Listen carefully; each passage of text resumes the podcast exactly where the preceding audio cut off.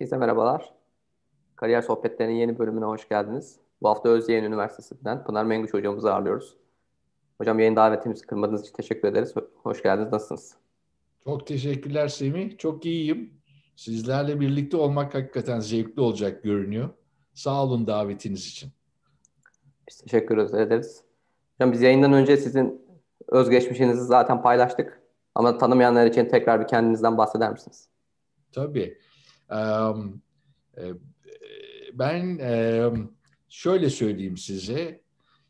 Herhalde bu grup için en ilginç yanı benim ortaokulda ne yaptığım oldu. Ortaokuldayken tam ben ortaokula girdiğim sıralarda Amerikan uzay programında işte Gemini ve Apollo'nun yani Gemini ve Apollo programları olmuştu. O zamanlar bunlar beni çok çok heyecanlandırmıştı. İşte bu kariyer konuşmaları olduğu için kariyerin nasıl başladığını söylemek zorundayım. O programlar e, tabii o sırada öyle fazla bir şeyler bulamıyorsunuz. Televizyon pek ender vardı Türkiye'de. İnternet, bilgisayar hiçbir şey yok. Ama bunların haberleri geliyor radyoda. Ben o zaman Ankara'dayım. Bunların nerede olduğunu bulmuştum. Kızılay'da e, Amerikan e, haber bürosu vardı. E, oraya gidip ben bütün bu fotoğrafları alırdım.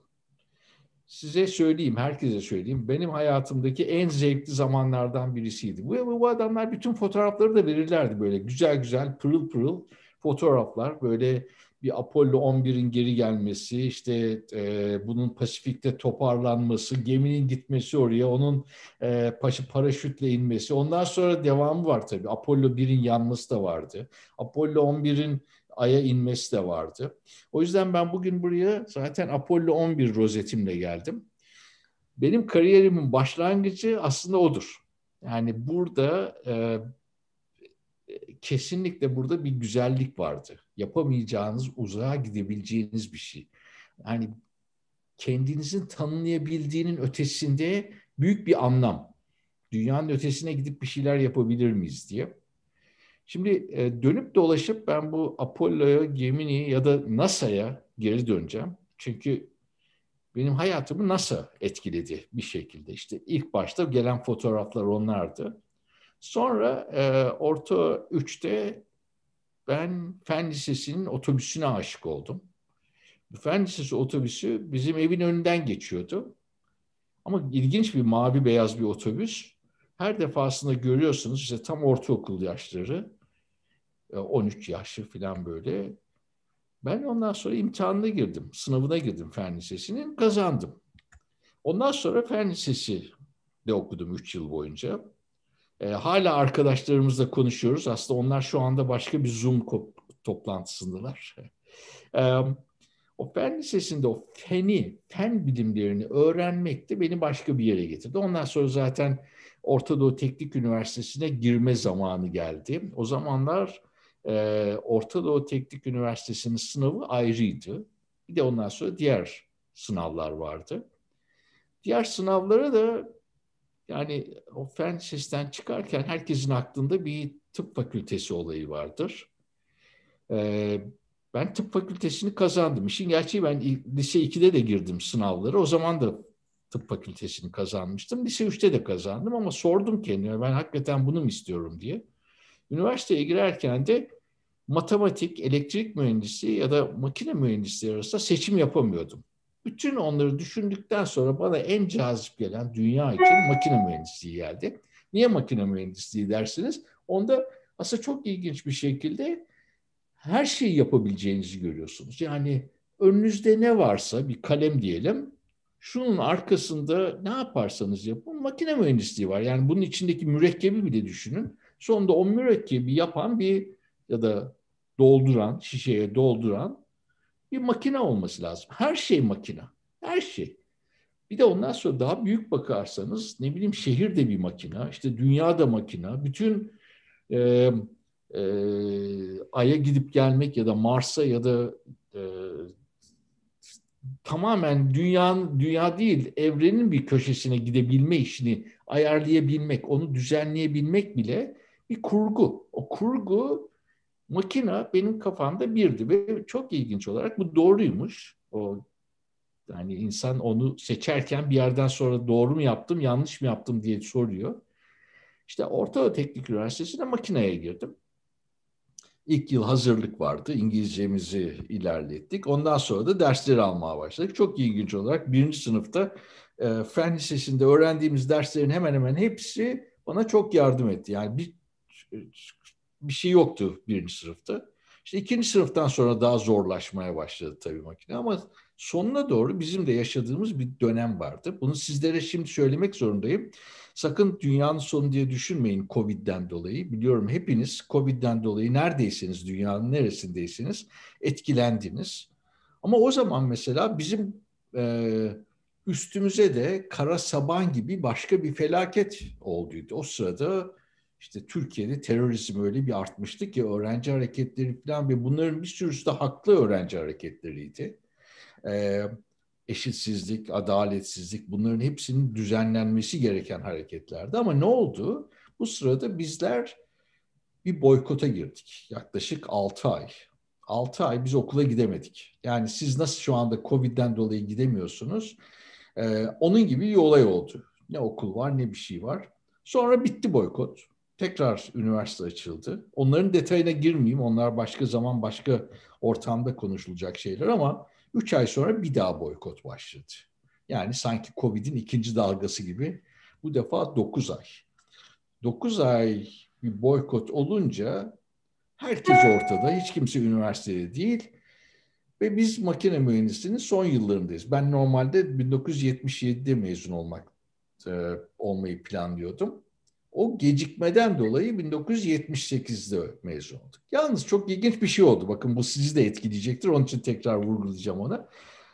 Biz boykot yaptığımız için üniversite bütün oradaki öğrencileri cezalandırmaya karar verdi.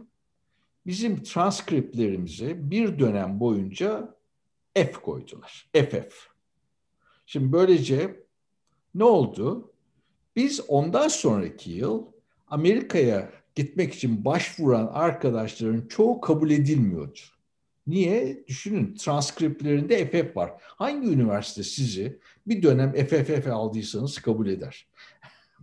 Şimdi bu bayağı büyük bir olaydı ve o sırada bütün her şey değişti. İşte neyse ben burada master'a kalmaya karar verdim. Master'a kalınca çok değerli genç bir hoca, Allah rahmet eylesin Yaman Yener, birkaç yıl önce vefat etti. Onunla birlikte ışınımlı ısı transferi, radiation heat transfer çalışmaya başladım. O çok güzel oldu. O master tezindeki derin matematik, derin fiziği burada alabilmek çok çok iyiydi. Yani bizim üniversitelerimiz özellikle doğrusunu seçerseniz Amerika'daki bir sürü üniversiteyle benzeri olabilir. Ama sizin bu dersleri seçebilmeniz lazım. Ben çok şanslıydım. O Yaman Hoca ile çalıştığım sürede bizim e, ODTÜ makine mühendisliğinde e, gayet güzel bir eğitimden geçtik. İşte ondan sonra da ben Amerika'ya başvurdum. Ama Amerika'da ben bir tek okula başvurdum. Bir tek hocaya başvurdum. Ee, yani bu piyango gibi diyeceksiniz ama burada özellikle vurgulamak istiyorum. Aslında çok yere başvurmak piyango siz böyle çok belirgin bir yere başvurmaya kalkarsanız o sizdeki irade bunu piyangodan öte çok daha özel yapıyor. Bir kişiye başvurdum. Viscanta diye bir hoca Purdue'de. Ee, ilk önce bir şeyler oldu. Bir iki yazıştık. İşte başvurumu gönderdim. Ve ben Türkiye'den burs almadım. Direkt olarak Amerika'dan burs almak istiyordum. O yüzden e, yani Purdue Üniversitesi ve Wisconsin çok çok meşhur olduğu için başka yer düşünmedik, düşünmeden. Sonra birden kesişti, kesildi bütün yazışmalar. İşte e, 79'un Ekim'i, Kasım'ı tam bu günlerde artık bir şeyler gelmemeye başladı. Ben o zaman hakikaten çok üzgün bir hale geldim. Çünkü herhalde bitti dedim. Bu iş gidemiyoruz. Hiçbir haber yok. Tam 79'un son günleri ben ODTÜ'nün kampüsündeyim. Orada bir tiyatro etkinliğine gittim. Tiyatrodan ofise dönüyorum. O sırada ben e, master yaptığım için aynı zamanda asistanım. Asistan olduğum için ofisim de var falan. Ondan sonra e, bir gittim ofise. Ah bir mektup. Pınar senden hiç duymadım. Geliyor musun gelmiyor musun diye. Meğer onun bir önceki gönderdiği mektup kaybolmuş. Yani bir yere başvuruyorsunuz ve o gelen mektupta kaybolmuş oradan gelen acceptance letter'ı ve hiçbir şey yok. Eve gittim. Evde bir tane daha mektup. Aynısından bir ev adresine göndermiş Viskanta bir okul adresine göndermiş. Herhalde bir tanesi kayboluyor bu defa çift dikiş gidelim diye bir şey göndermiş. Şimdi düşünebiliyor musunuz? Bu 79 işte yılbaşına gelirken ve o sırada e,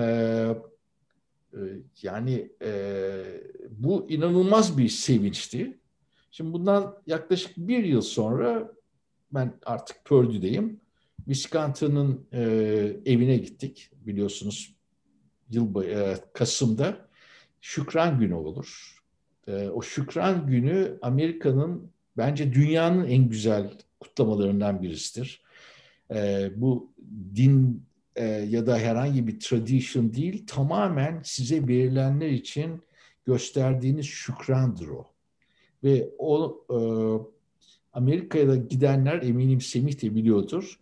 Orada zaman zaman bu size verilen fırsatlardan dolayı şükran gösterme isteğiniz de vardır. Yani bu her yerde olur. Bu Amerika'da da olur, Türkiye'de olur. Zaten biraz sonra geleceğim ona ben de. Ama e, şimdi onun evine şükran yemeği için gittiğimizde onun bodrum katına gittik. Bodrum katında bir baktım onun bir tane daktilosu var. Ve o daktiloya oturmuş Viskanta iki tane bana mektup yazmış. Düşünün. O zaman yani bilgisayar gibi değil. Bir tane basıp sonra bir tane daha basmıyorsun. İkincisini yazman için tekrar oturuyorsun. Tekrar bunu daktiloya giriyorsun. Olacak iş değil. Yani bu bir kişiye başvuruyorsun. O bir kişi bir yerden sonra seni istiyor. Yaptığın çünkü onun yaptığıyla çok uyumlu. Zaten o da ışınımla ısı transferi çalışıyor ve ben başladım. Bu harika oldu orada. Purdue'de çok güzel bir zaman geçirdim. Yani konu harikaydı. Tam istediğim bir konu ve bu konu üzerinde hala çalışıyorum. Zaten okumuşsunuzdur. Bir kitap yayınladık. O kitabı yayınladığımız kitap e, aslında e, Siegel and Howell diye bilinen, Howell and Siegel diye bilinen bir Radiation Heat Transfer kitabıdır. Ve bu kitabın orijinali 1969'da Howell ve Siegel tarafından yazılmıştır. Ve bu kitabı yazan bu Howell ve Siegel ikisi de NASA'da çalışan adamlar. Bu 69'da benim liseye, fen lisesine girdiğim yıl. Hani bir yıl önce ben gidiyordum da böyle Gemini ve Apollo'nun resimlerini toparlıyordum ya işte o sırada çıkartmış onlar. Neden çıkartıyorlar bu kitabı? Çünkü o Gemini ve Apollo geri dönerken atmosfere girdikleri zaman yanmamaları için bütün yapılacak o shield'ların hesaplarından başlıyor. Bütün motorların hesaplarından başlıyor. Yani isterseniz bu kader ağlarını örüyordu deyin. Hepsi birbirine giriyormuş bilmeden. İşte bundan yıllar sonra e, ben o kitabı okuyarak ODTÜ'de ışınımda transferi yaptım. Sonra Purdue'de onu okuyarak tekrar dersleri aldım. Kendi tezimi çalıştım. Sonra Kentucky'ye geçtim. Orada bir defa daha okuttum. Sonra devam etti. 2010'da da onlar bana gelip bu kitaba üçüncü yazar olur musun dediler. Ondan sonra da onun işte bir, bir beşinci edisyonunu çıkarttık. Sonra altıncı edisyonunu çıkarttık. Yedinci edisyonda daha geçen gün bitirdik. Yılbaşında çıkacak yedinci edisyonda. Bu da dünyada en çok satan ışınımla ısı transferi kitabı. Şimdi o zamanki ışınımla ısı transferi için başvurduğum bir doktora programından buraya gelmek tamamen böyle coherent bir hayat oldu. Şimdi bunu her zaman tahmin edebilir misiniz? Her zaman coherent olabilir mi hayat? Fark etmez, olmaz belki. Ama işte ben biraz önce Semih ile konuşuyordum. Bilgisayar mühendisliğini bitirdikten sonra Google'a gitmiş. Onun oraya gitmesi için zaten bir şeyler yapıyordu herhalde Semih. Belki çok çalışıyordu. Belki o tarafa doğru gidiyordu. Belki konuyu o tarafa doğru evriliyordu. Yani aslında coherent yani uyumlu, ileriye uyumlu yapmak bizlerin elinde.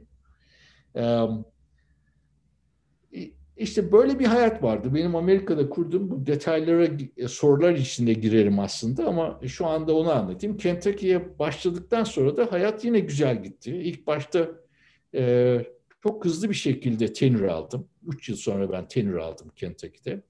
Ondan sonra da bir, bir sürü proje geldi çünkü.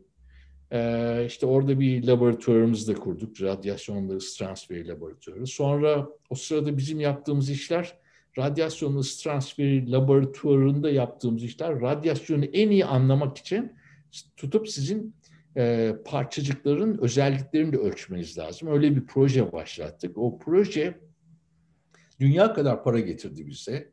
Sonra e, onun içinde bir şirket kurduk. O şirket e, bir patent aldık. Bu particle characterization teknikleriyle uğraşan bir şirket oraya o patenti Japon Horiba şirketine sonra devrettik. Horiba dünyanın en büyük particle characterization şirkettir. Japonya dışından aldıkları tek patenttir. E, aldık. E, onlar sonradan geliştirmeye çalıştılar. Biz bir süre çalıştık. Ondan sonra bıraktık onları. Onların yaptıkları işlere girdi o. Ee, bu sırada tabii bir sürü doktor öğrencisi, master öğrencisi e, mezun oldu. Ama bu parçacıkların boyutu e, genellikle submikron diye konuştuğumuz boyutu. Bunlar sut parçacıklardır. Sut parçacıklar nelerdir? Burada ben size görsel hazırlamadım ama size bir görsel vereyim. Hayal edin böyle gözünüzün önüne gelsin. Hani vapurlarda böyle siyah bir duman çıkar ya vapurlar kalkarken ya da böyle otobüslerde bazen görürsünüz egzozlarından siyah bir duman çıkar. Oradaki o siyah aslında yanmamış karbon parçacıklarıdır. O yanmamış karbon parçacıklarının İngilizcesi suttur. Yani Türkçesi de is. O is parçacıkları aslında iki defa problemdir. Ee, bir tanesi onlar zaten sizin yakmak istediğiniz karbondur. Yani sizin amacınız o motorun içinde sizin onu yakacaksınız ki enerji üreteceksiniz. Ama yakmazsanız dışarı atıyorsunuz. Yani para gidiyor. Orada gördüğünüz zaman o siyah dumanı bilin ki o para. Ama üzerine de o para dönüyor geliyor sizin ciğerlerinize giriyor. O ciğerlerinize girdiği zaman sizin sağlığınızı kötü ediyor. O da para. Sonra da bir de gidiyor dünyanın etrafında dolaşmaya başlıyor. Dünyanın etrafında şöyle bir e, battaniye yapıyor. O battaniye işte aslında o yanmamış e, diğer gazlarla birlikte bunların hepsi de greenhouse gases diye biliniyor. Biliyorsunuz bunlar da iklim değişikliğinin özüdür. Yani siz ne kadar az gereksiz malzemeyi atmosfere salarsanız o kadar iyidir. Biz o işleri yaparken bunların ismi submikrondu. Submikron aslında işte 20'den 100 nanometreye kadar olan parçacıklar ama nanometre kavramı kullanılmazdı o zamanlar. İşte bunlar sud agglomerates. İşte bizim yaptığımız çalışmalar, o Horiba'ya verdiğimiz patentte biz 70 nanometreye kadar bunları bir alevin içinde ölçebiliyorduk. Ee, bu olaylardan sonra Amerika'da da, da National Nanotechnology Initiatives başladı. Ben de tam o sırada Harvard'daydım. Ee, Harvard'da e, başka bir kavramla aslında lazerle tişü üzerinde ameliyat yapma için onların e, bir programındaydım. O sırada bu nanoteknoloji inisiyatifi başladığı zaman bizim o eskiden yaptığımız submikron kavramların hepsi birden kendini tam ortasında buldu her şeyin. Ondan sonra da bir sürü nano üzerinde parça e, e, nano ölçme, biçme ve geliştirme üzerinde projeler aldık. Bunların arasında işte tamamen e, nano bir atomic force mikroskopi e, ucuyla, ucuna da karbon nanotüp koyup buradan elektronları yapıp biz böyle bir şekilde bir e, nano boyutta machining yapabilir miyiz diye düşündük. Bunun üzerine iki tane patentimiz var. Bunlardan bir tanesi çok ilginçti. Biz bunu yapıyoruz böyle ama yaptığımız işlerde nano parçacık aslında karbon nanotüp bir zaman sonra anlayacaksınız içine girdikçe karbon nanotüp yaklaşık 100 nanometre belki daha küçük ama aslında böyle bu kalemin ucu gibi sadece birleşmiş bir şey değil. O boyda yaklaşık 1-2 nanometrelik bir tane çeperi var bunun, periferisi var. Sonradan bir anladık ki o nano e, tübün ucundan çıkan elektronlar bu periferiden çıkıyorlar. Periferiden çıktıkları zaman da buraya geldikleri zaman delik açmıyorlar. Biz delik açacaklar diye bekliyoruz. Ne yapıyorlar? Bir böyle yuvarlak bir yeri ısıtıyorlar. Yuvarlak yeri ısıttıkları zaman da içinden ısınmış olan atomlar, o structure yukarı doğru fırlıyor. Biz deney yapıyoruz. Delik arıyoruz. Delik yok. Sadece böyle bumplar var. Hiç beklemiyorduk ama bu gerçekten bu nano boyutta bir Brill alfabedir. Hani körlerin bir alfabeleri vardır ya öyle parçacıkları olan. Böyle bir mesela bu e, bunu anlatmamın nedeni diğerleri, diğer patentlerimiz bizim var yine bir 6-7 tane. Bunlar çok daha doğal geliyor artık. Ama bu patent bana olağanüstü zevk veren bir kavramdır, patenttir. Onun için söyledim. Bu da tamamen işin içine girdiğiniz zaman, bilimin içine girdiğiniz zaman çıkan sürprizi gösteriyor. O yüzden bunu özellikle vurguladım. Bu böyle devam etti. Yaklaşık işte Kentucky'de benim bir 1 milyon dolarlık bir laboratuvarım vardı. Bu particle characterization üzerine yaklaşık 8-10 tane, 10-12 tane öğrenci çalışıyor. Postdoc'lar var filan. Sonra bir gün e, Türkiye'ye geliyorum. Türkiye'de de böyle 4-5 tane konferansa gideceğim. Sonra İsviçre'de bir konferans var, Yunanistan'da bir konferans var. Döneceğim. O sırada bana e, bir öneri geldi. Özyeğin Üniversitesi'nde bir üniversite açılıyor. E, onun rektörüyle konuşsana dediler. Bunu da söyleyen aslında Mehmet Toner'dir bu Harvard'da. Mehmet Toner önerdi benim oraya gidip kalmamı, konuşmamı.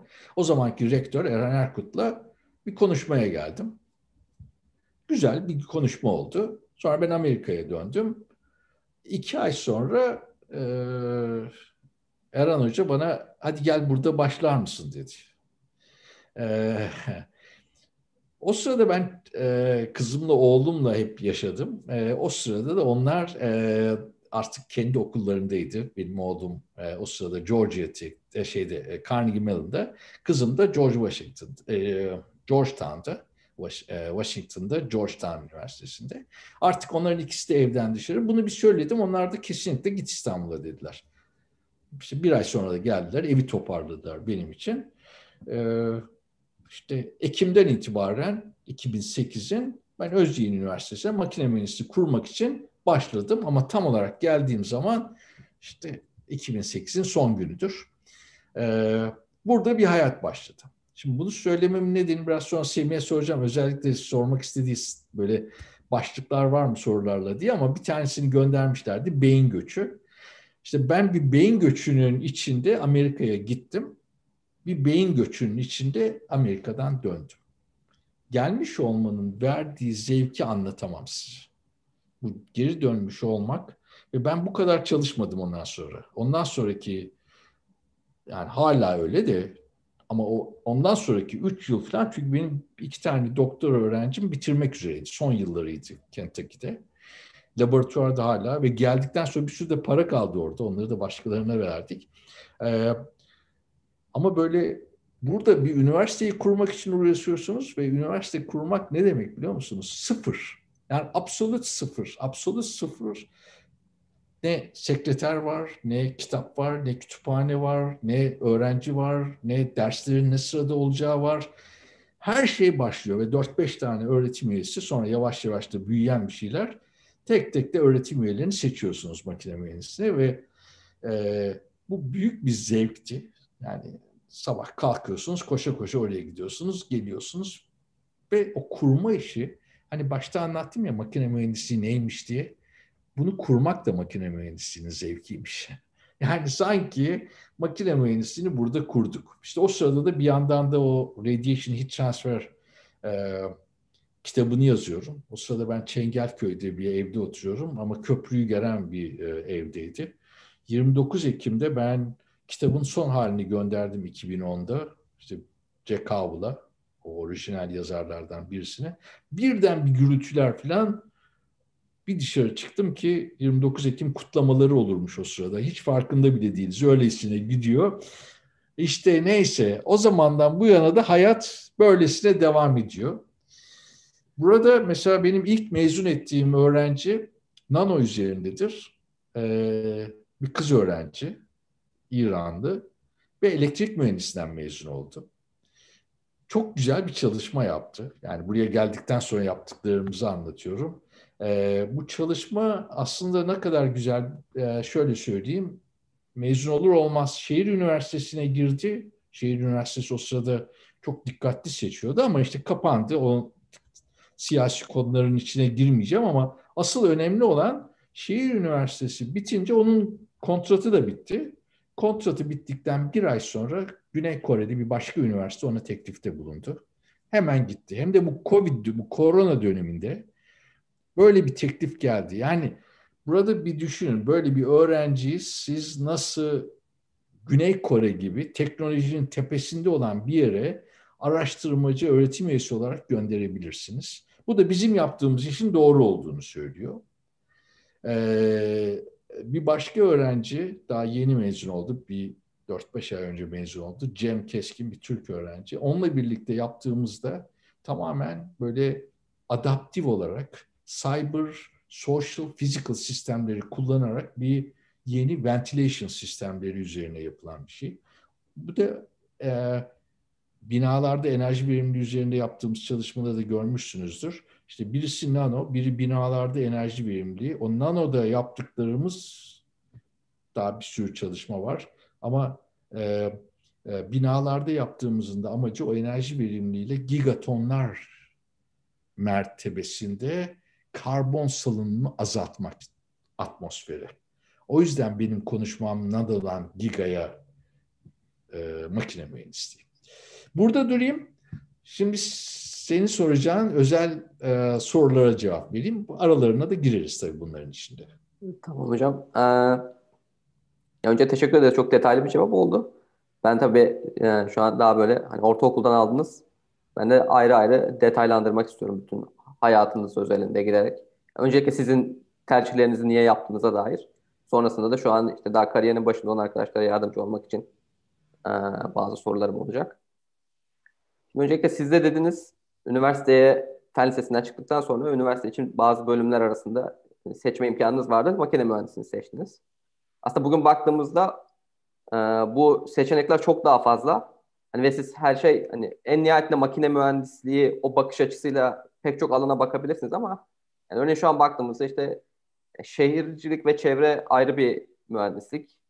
E, inşaat mühendisliği ayrı bir mühendislik uçak mühendisliği, uzay mühendisliği, gemi mühendisliği, işte otomotiv sektörü, radyasyon gibi şey dediğimizde nükleer, e, bütün bu konular var. Peki benim sormak istediğim soru, yani lisans seviyesinde özellikle yani akademik çalışmalara girince tabii ki dallanmak ve multidisipliner gitmek yani olmazsa olmaz. Ama lisans seviyesinde bir makine mühendisliği nedir? Ee, bu bölüme giren öğrenciler nasıl bir şey beklemeliler, nasıl bir şeyle karşılaşacaklar? Şimdi makine mühendisliğine girdiğiniz zaman iki olay var. Bunun aslında bir ısıl sistemler vardır, bir mekanik sistemler vardır. Bu bütün dünyadaki bütün üniversitelerde hemen hemen bu şekildedir. Tabii zamanla bu ısıl sistemler ve mekanik sistemler birbirlerinden birazcık daha farklı yönlere de gitmişlerdir. Ama biz o zaman e, ODTÜ'deyken bir de üçüncü alan daha vardı. Bu da nükleerdi. Yani nükleer mühendislikle makine mühendisliği isteyenler o nükleere de girebilirdi. Şimdi ısı ısıda siz e, aslında maddenin moleküler seviyede nasıl enerjiyi tutabildiğini, nasıl aktığını, nasıl e, böyle e, koherent olmayan enerjinin, e, dağılmış enerjinin ısı gibi nasıl koherent olan bir işe yani work'e çevrilebileceğini görüyorsunuz. Bu demektir ki siz oturuyorsunuz orada termodinamik öğreniyorsunuz. ısı transferi öğreniyorsunuz. Ondan sonra ısı transferinin içinde de işte e, conduction, convection, radiation öğreniyorsunuz. Yani bunları yapabilmemiz için sizin aslında molekülleri de anlamanız lazım. Molekülleri de anladıktan sonra o sistemin sistem olarak nasıl çalışacağına bakmanız lazım. Öbür tarafta mekanik sistemde de bu defa sizin elinizde diyelim ki en e, iyi ihtimalle bir tane Lego yaptıysanız Lego'da böyle ittiğiniz zaman gidiyor bir araba değil mi? Onun nasıl çalıştığını anlayacak seviyedesiniz. Ben bunu hani 6-7 yaşındaki bir çocuk gibi anlatıyorum aslında. Tahmin edersiniz bu çok daha büyük oluyor. Ama dışarıdan baktığınız zaman o mekanik sistemle ısıl sistem birbirinden çok farklı görünüyor. İşin gerçeği makine mühendisliğine iyi bir programdaysanız bunların neden birleşik olduğunu görüyorsunuz. O zaman ne yapıyorsunuz? Bir şey yaktığınız zaman ürettiğiniz enerji ya da güneşten gelen enerjiyle yani o enerji çünkü hiçbir şey yapmasanız hiçbir şey olmuyor, duruyor orada. Siz o gelen enerjiyi ne yapayım da ben burada bir şeyi yürüteyim diye bakıyorsunuz. Bakın bu ikisini yapabilmek aslında işte herhangi bir şey alın, şu kalemi yapılma sistemine gidin. Bunun altında bir mekanizma var değil mi? Bir şeyler dönüyor, bir e, dişler dönüyor, onun yanında bir tane bant var, onun üstüne geliyor, boyası geliyor, ondan sonra iki şey birleştiriliyor. Bütün bunları yapan bir sürü mekanizma var. Bu mekanizmanın çalışması için de birisinin enerji üretmesi lazım. İşte bu ikisi birden enerji üretmek ve makineyi çalıştırmak ikisi birden makine mühendisliğinin işi. Şimdi buna baktıktan sonra mesela benim doktora tezimdeki işim yanma odalarındaki enerjiyi en etkin bir şekilde buhara aktarma işiydi. Burada ama benim en çok hoşuma giden işte bunun radyasyonlu ısı transferi olmasıydı. Diğer iki seçeneğim elektrik mühendisliği ve matematik dedim ya. Üçünde de böyle aslında konseptüel olarak düşünebildiğin bir şey var. Yani elinle uğraşmıyorsun. Şimdi bunu da vurgulamamın nedeni makine mühendisliği genellikle e, kirli mühendislik olarak görülür. Dediğim gibi ben Özyeğin'e geldiğim zaman makine mühendisliğini başlatıyoruz. Öğretim, bütün öğrencilerin anneleri babaları geliyor. Özellikle kız öğrencileri buraya girmesini istemiyorlar. Defalarca hep anlattığım bir şey vardı. Kız öğrencilerin makine mühendisliğine gelmesi çok çok önemli. Çünkü dünyada çalışan bütün makinaları kullananların yarısı kadınlar, kızlar ve bir sürü makinenin nasıl çalışacağına kadınların, kızların karar vermesi lazım. Mesela ben bir tane örnek vereyim. Bunu her zaman söylüyorum. Bir mamogramı düşünün. Yani bir göğüs kanseri olan bir kadının hastaneye gittiği zaman bir mamogram device. Eminim şu anda dinleyenlerin çoğu da biliyordur. Bunun erkekler tarafından tasarlanmış olması eminim bir sürü kadına ızdırap veriyordur. Bunu yapabilecek kadınlara ihtiyacımız var. O da onların hem ellerini kullanmaları hem kafalarını kullanıp böyle hayallerini kullanıp bunları birleştirmesi lazım. İşte bunları yapabilmek, birleştirebilmek makine mühendisliği. O yüzden özellikle ama öte yandan da bak e, onu da söyleyeyim. Şimdi ben buraya geldim, makine mühendisliğini kurdum. Arkasından işte Enerji Çevre Ekonomi Merkezi'ni kurduk. Enerji Çevre Ekonomi Merkezi'nin yaptığı işlerden bir tanesi mimarlar ve mühendisliklerle birlikte en az enerji harcayacak binaları yapabilme işi. O da bir kurguydu. Onun içinde de termodinamik var. Onun içinde ısı transferi var. Onun içinde de akışkanlar e, dinamiği var. Onu tutup da mimarlarla birlikte birleştirdiğin zaman eminim dinleyicilerden birçoğu mimardır. Onlar da bunları yapabilecek daha bir böyle matematiksel kurgu, algoritma istiyorlardı. İşte makine mühendisliğinin etkisi de oraya geliyor senin e, Google'da olduğunu söyledim biz başlamadan önce. Yazdığın programların, yaptığın, e, oluşturduğun yazılımların bir sürüsünün içine fizik de koyacaksın. O fiziğin kullanacağı bir uygulama da olacak. İşte o uygulamalar bir yerden sonra hakikaten bir kurgu. O kurgunun da kesinlikle e, kız öğrenciler tarafından da yapılabilmesi lazım. Erkek öğrenciler tarafından da ondan sonra da bir şey daha var. Bunları birleştirmek lazım. Yani makine mühendisliği sadece ısıyla mekanik değil, aynı zamanda şehir, aynı zamanda uzay, aynı zamanda aşı. Yani şu anda aşı bulunsa mesela bu gündem olduğu için söylüyorum. En büyük problem ne olacak? Bu aşıyı üretecek fabrikaların geliştirilmesi olacak. Yani bunu çok hızlı bir şekilde halka götürebilecek bir sistemde alması lazım bir tahmin edersiniz bunun içine ne kadar makine mühendisliğinin olduğunu. Anladım. Peki. Bir Peki.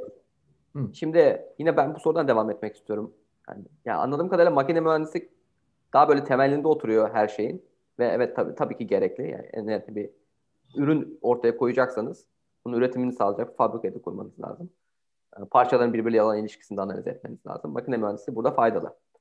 Ee, ancak sanki şöyle de bir şey anladım. Yani makine mühendisliğinin üzerine de belli bir alana yönelik bir uzmanlık elde ettikten sonra daha böyle net bir kariyer planı olarak e, ortaya çıkıyormuş gibi bir bir şey anladım ama bu doğru mu? Ya, yani tek başına makine mühendisliği ve işte aşı için birazcık biyoloji ve tıp bilgisi, işte inşaat binalardaki o enerjiyle ilgili bir çalışma yapacaksanız birazcık inşaat mühendisliğiyle iç içe çalışmanız lazım vesaire. Bu konu hakkında ne, yani ne düşünüyorsunuz? Bak bunu ben iki türlü anlatayım. Bir tanesi makine mühendisliğinde ısıdan mekaniğe, büyük problemlere, işleyen lokomotiflere ya da çalışan buzdolaplarına kadar gittiğin zaman sen şey düşünüyorsun yani ben bunu yaparım diye geliyor. Tamam mı? Makine mühendislerine bizim ben bu dersin benzerini bizim ilk gelen öğrencilere verdiğim zaman onlara söylediğim şey şu. Ben yapabilirim lafını kazanıyorlar makine mühendisliği. Bizdeki makine mühendisliğindeki en büyük amacımız o. Bizim öğrencilerimiz ben yapabilirim mi geliyor. Ben yapabilirim mi geldikten sonra e, bir zaman sonra bir şeyin eksik olduğunu görüyorsun. Yani bir şey eksik. Mesela şu kahve kabıysa bunun boyası bir yerden gelecek. Ama birisi de çıkıp ben bu boyayı da yaparım diyebilir. Bu boyayı da ben en e, ucuza da yapabilirim diyebilir, enerji verimli de yapabilirim diğer. Hatta kendi kendine soğuyan boya da yapabilirim der. Sen bunu hayal ettiğin zaman orada kendi kendine soğuyabilen boyayı yapabilmek için bir sende irade olması lazım. Biz makine mühendislerine bunu vermeye çalışıyoruz. Ondan sonra da tabii bilgi. Bilgi dediğin işte senin dediğine geliyor. İşte orada tutup da bir makine mühendisi ben yapabilirim. I can do. I am enabled düşüncesiyle gelen bir makine mühendisinin ondan sonra uygulayacağı yerde eksik olan şeyleri bulmak için işte tıp fakültesine de gitmesi lazım. Belki mimarlarla birlikte çalışması lazım. Mesela benim bir İstanbul Teknik Üniversitesi'nde eş danışmanı olduğum şehir planlamadan bir kız öğrenci var. Kız öğrenciyle İstanbul'da şehir planlama yapıyoruz ama bunu yapabilmek için sadece makine mühendisi değil bunu düşünebilmek lazım. Zaten o yüzden onlar benimle çalışmak istedikleri için ben oradayım. Ben kendimi zorlamadım oraya. Yani böyle baktığımız zaman da demek ki ben yapabilirim düşüncesini sonra bilimle birleştirmek lazım. O bilimin içinde de şunu söyleyeyim. Yine özellikle Özyeğin Üniversitesi'nde yaptığımız birkaç şey var. Bunlardan bir tanesi şimdi bir disipliner çalışmalar vardır. Bunda mesela matematiktir. Teoremlere bakarsın, çözersin, geometridir. Bir disiplinler, çok disiplinli olaylar vardır. Burada değişik problemler gelir ama mesela eski zamanlarda telefonları düşün. O telefonların pillerinin yapılmasıyla telefonun e, kendi makinasının yapılması elektrik ve makine mühendislerinin ayrı ayrı yaptığı olaylardı. Bir zaman sonra bir şey anladılar ki eğer bu piller uzun zaman dayanacaksa elektrik mühendisleri, bilgisayar mühendisleri, makine mühendisleri beraber çalışmak zorundalar ki bunları optimize etsinler. Bak onu yapmaya başladıkları zaman bilgisayarlar, bilgisayar mühendisleri biraz daha makinacıların yaptığı ısı transferi, ısı e, e, koruma sistemlerini anlamaya başladılar. Elektrik mühendisleri devreleri ona göre yaptılar. Ona göre işte yüzey geliştirildi malzeme mühendisleri tarafından. Buna disiplinler arası diyebiliriz. Yani bu artık çok disiplinli değil. Her disiplin birbirinden öğreniyor. İngilizcesi interdisiplineri. Interdisiplineri çalışmalar son 70-80 yıldır dünyayı değiştirdi. Stanford'da da bu var, işte Georgia Tech'te de var, Purdue'de de var. Yani bunları yapabilmek için ama bunu yaparken makine mühendisliğinin içinden de başlamak lazım. Üniversitede de başlamamız lazım. Bizim bunu yaptığımız çok değerli mimarlar, endüstri mühendisleri falan var. Her akşam biz, biz konuştuğumuz böyle beraber yaptığımız. Bunun ötesinde bir şey daha var. Bu da disiplinler ötesi ya da transdisiplineri. Burada bunları aslında mühendis gibi düşünmeden bunların her biri çözülebilir diyemeyeceğin ama çözülemeyecek büyük problemlere de strateji geliştirebileceğin olayların olması lazım. mesela iklim değişikliği kesinlikle transdisipliner bir olay. Hiç kimse gelip de iki tane düğmeyi çevirip iklim değişikliğini durduramaz. Aynı şekilde trafik de öyle. Trafikte de neden bu kadar büyük problem var? Tahmin edersin bir tane çözüm olmadığı için. Covid de öyle oldu şimdi. Bütün dünyadaki olaylar. Şimdi bunlara yaklaşırken o zaman ne oluyor? Sen zaten bildiğin makine mühendisliği, bildiğin hiçbir şey burada yaramıyor. Ama bizim yaptığımız makine mühendisliği çalışmalarında biz diğer öğrencilerin, diğer disiplinlerden gelenlerin böyle kendilerini açıp makine mühendisliğindeki öğrencilerle ya da makine mühendislerinin endüstri mühendisi, endüstrinin mimari, mimarinin hukuk, hukukun işte gastronomiyle birlikte çalışmalarının nasıl muhteşem bir şey olduğunu yani öğrendikçe nasıl öğrenebileceğini anlatabiliyorsun. İşte orada sen asıl katkıda bulunuyorsun dünyaya. Tam buraya geldiği zaman ya. O yüzden bu sadece artık makine mühendisliği değil, makine mühendisliğinin içindeki kavramların uzatılması, böylece diğerleriyle birleştirilebilmesi. Anladım. Teşekkür ederim hocam.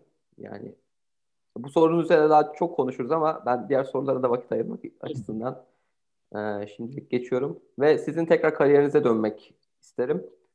E, ODTÜ'de lisans tamamladıktan sonra öncelikle yani şimdi akademik kariyer herkesin yaptığı bir şey değil. Siz neden piyasada çalışmak yerine akademik kariyer yapmayı tercih ettiniz?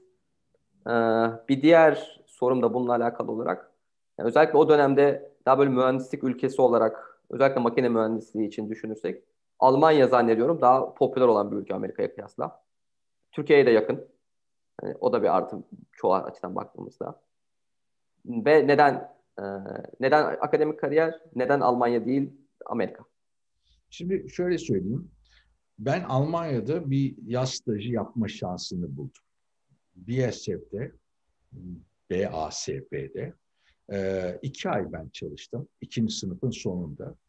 Ve beni mühendis yapan en iyi iki aydı. Benim hayatımın en güzel iki aylarından birisiydi bu. Ama nasıl? Yedi tane öğrenciyi aldı BASF. Böyle yedi tane, sekiz tane değişik istasyonda bütün makine mühendislerinin detaylarını gösterdiler. Yani Almanya'ya gittim, Almanca da biliyordum, baktım ama sonra bir şeyler daha olmaya başladı. İşte orada insanın kendini tanıması önemli. Ee, kendini tanımak için yapabildiğiniz her şey. Mesela Almanya'da benim o makine mühendisliğinden sonra benim Almanya'ya tekrar tekrar gitmem de çok mümkündü. Ama ben neyi fark ettim? Ben kurgu olarak bir şeyleri daha fazla sevdiğimi, büyük denklemlerle oynayabilmek istediğimi, aslında ışık beni çok çarptıydı her zaman. Işığın makine mühendisliğindeki kullanımı ki de ışınımı transferine de giriyor, Optics'e de giriyor. İşte bu Japonlara sattığımız sistem tamamen optik sistemdi. Bu optik, ışınım hız transferi bütün bunları yapmak istediğim zaman ben Almanya'da bunu yapabileceğimi görmedim. Orada bazı şeylerin hani sınırlar içinde kalabileceğini de görüyorsun. Aslında sınırların içine çıkmak istiyorsan hakikaten buna müsaade eden bir yer olması lazım. Ee, Purdue'yu seçmemin nedeni ışınım hız transferinde belki o sırada dünyadaki üç yerden birisiydi. Ee, bir tanesi Berkeley'di, bir tanesi Purdue'ydi, bir tanesi de MIT'ydi. Yani onlardan üçüne gitmem lazımdı. Üçünden birine gitmem lazımdı. Purdue seçmemin nedeni aslında bilmiyorum. Bir affection bir şey oldu o zaman. Özellikle ama bir kişiye yazdım. Yani MIT'ye yazdım, ne Berkeley'ye yazdım.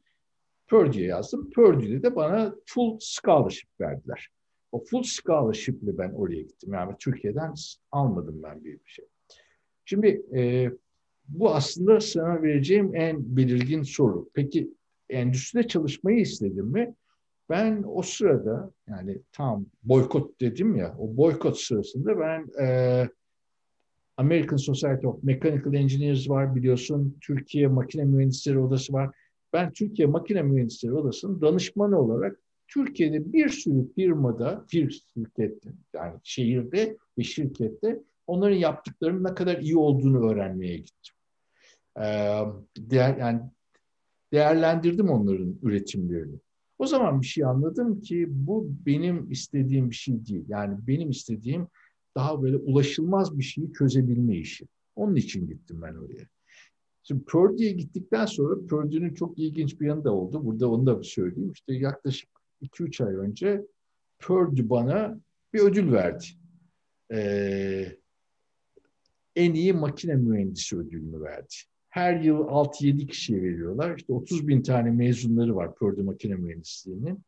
Onun içinden 30 bin içinden 300 tane yok yani bunu verdikleri. Şimdi dönüp bakınca benim bu kuramsal olarak yaptıklarım, elimle değil ama kuramsal olarak yaptıklarımın da ne kadar aslında makine mühendisliğine de etkin olarak dokunduğunu da görebiliyorsun. O yüzden bir yerden sonra sormanız gereken de bu. Acaba ben hep tradition içinde mi kalacağım yoksa sürekli olarak bir disiplini yeni yere de götüreceğim mi? Bak sana sorayım burada. Sana sorarken cevap vermeni beklemiyorum ama bütün bilgisayar mühendisi olan bütün arkadaş olmak isteyen bütün arkadaşlarına da söyleyeyim. Google'ın istediği mühendis ya da ürün 10 yıl sonra nasıl olacak?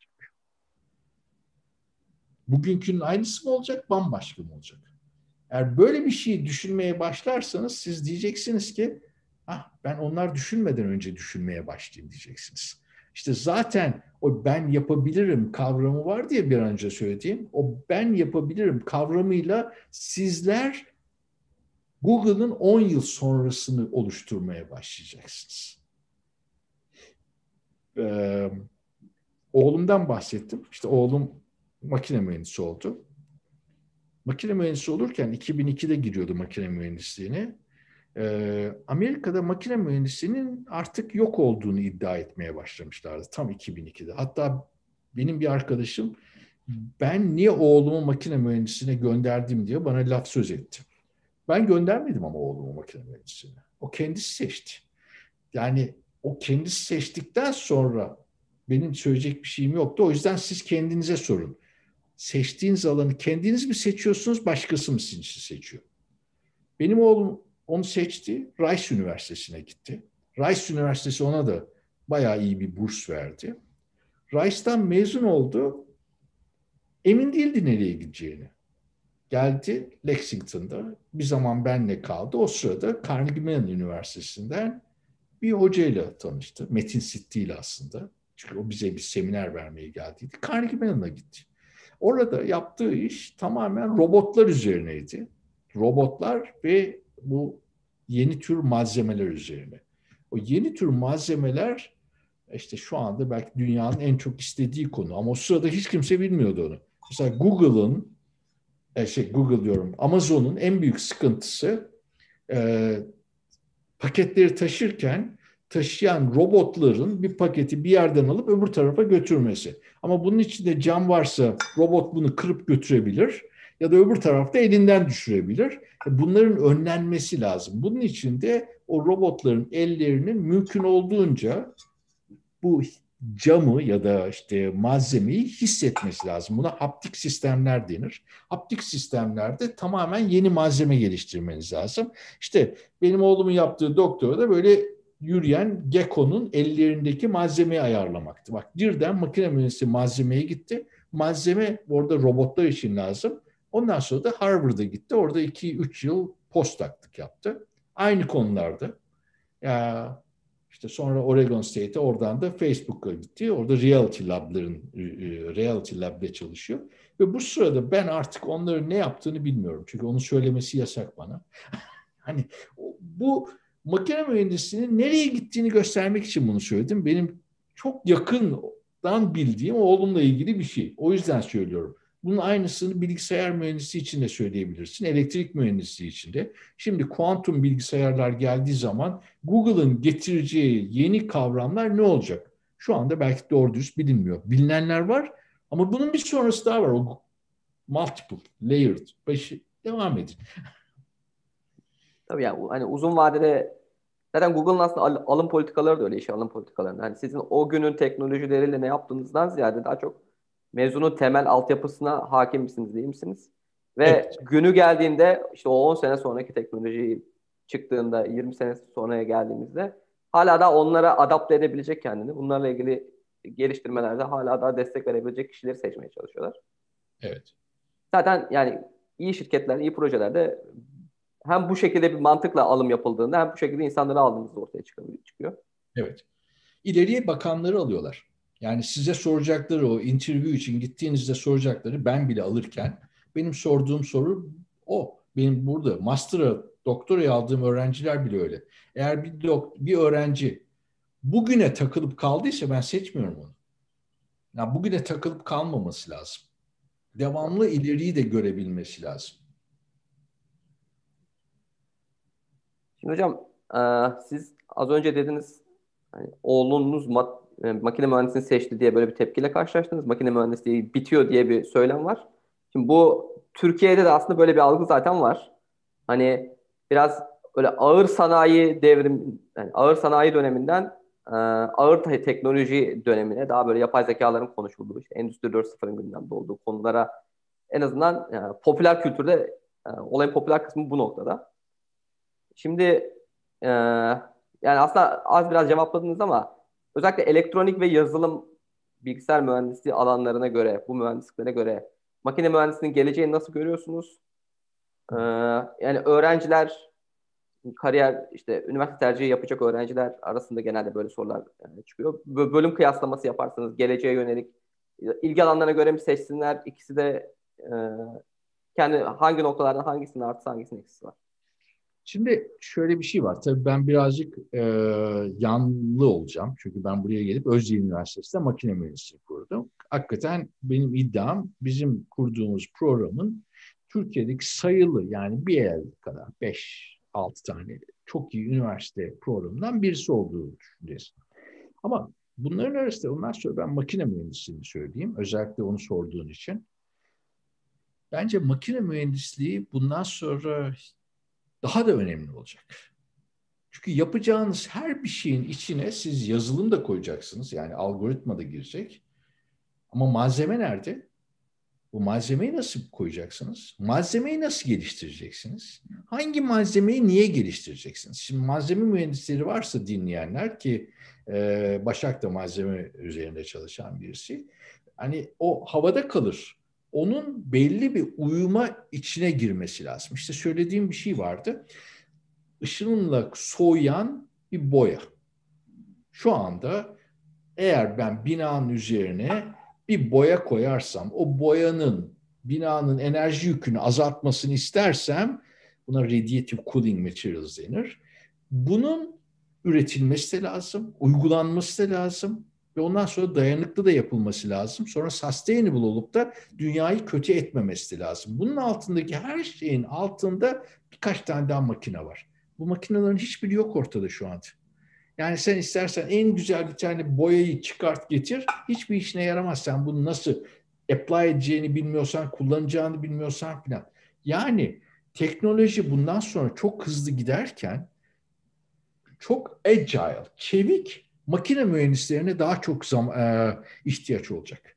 Yani Türkiye'de de ağır endüstri dediğimiz zaman hakikaten haklısın. Yani Türkiye'de böyle bir kavram vardır. Ama işin gerçeği bu kavram bir yerde yanlış. Çünkü herkes bakıyor. İşte 2002'de Amerika'da olan kavramın aynısı. 2002'de denirdi ki makine mühendisliği bitti. Artık bundan sonra bütün makineleri Çin'de ve Hindistan'da yapacaklar. Amerika'dakiler ne yapacaklar diye.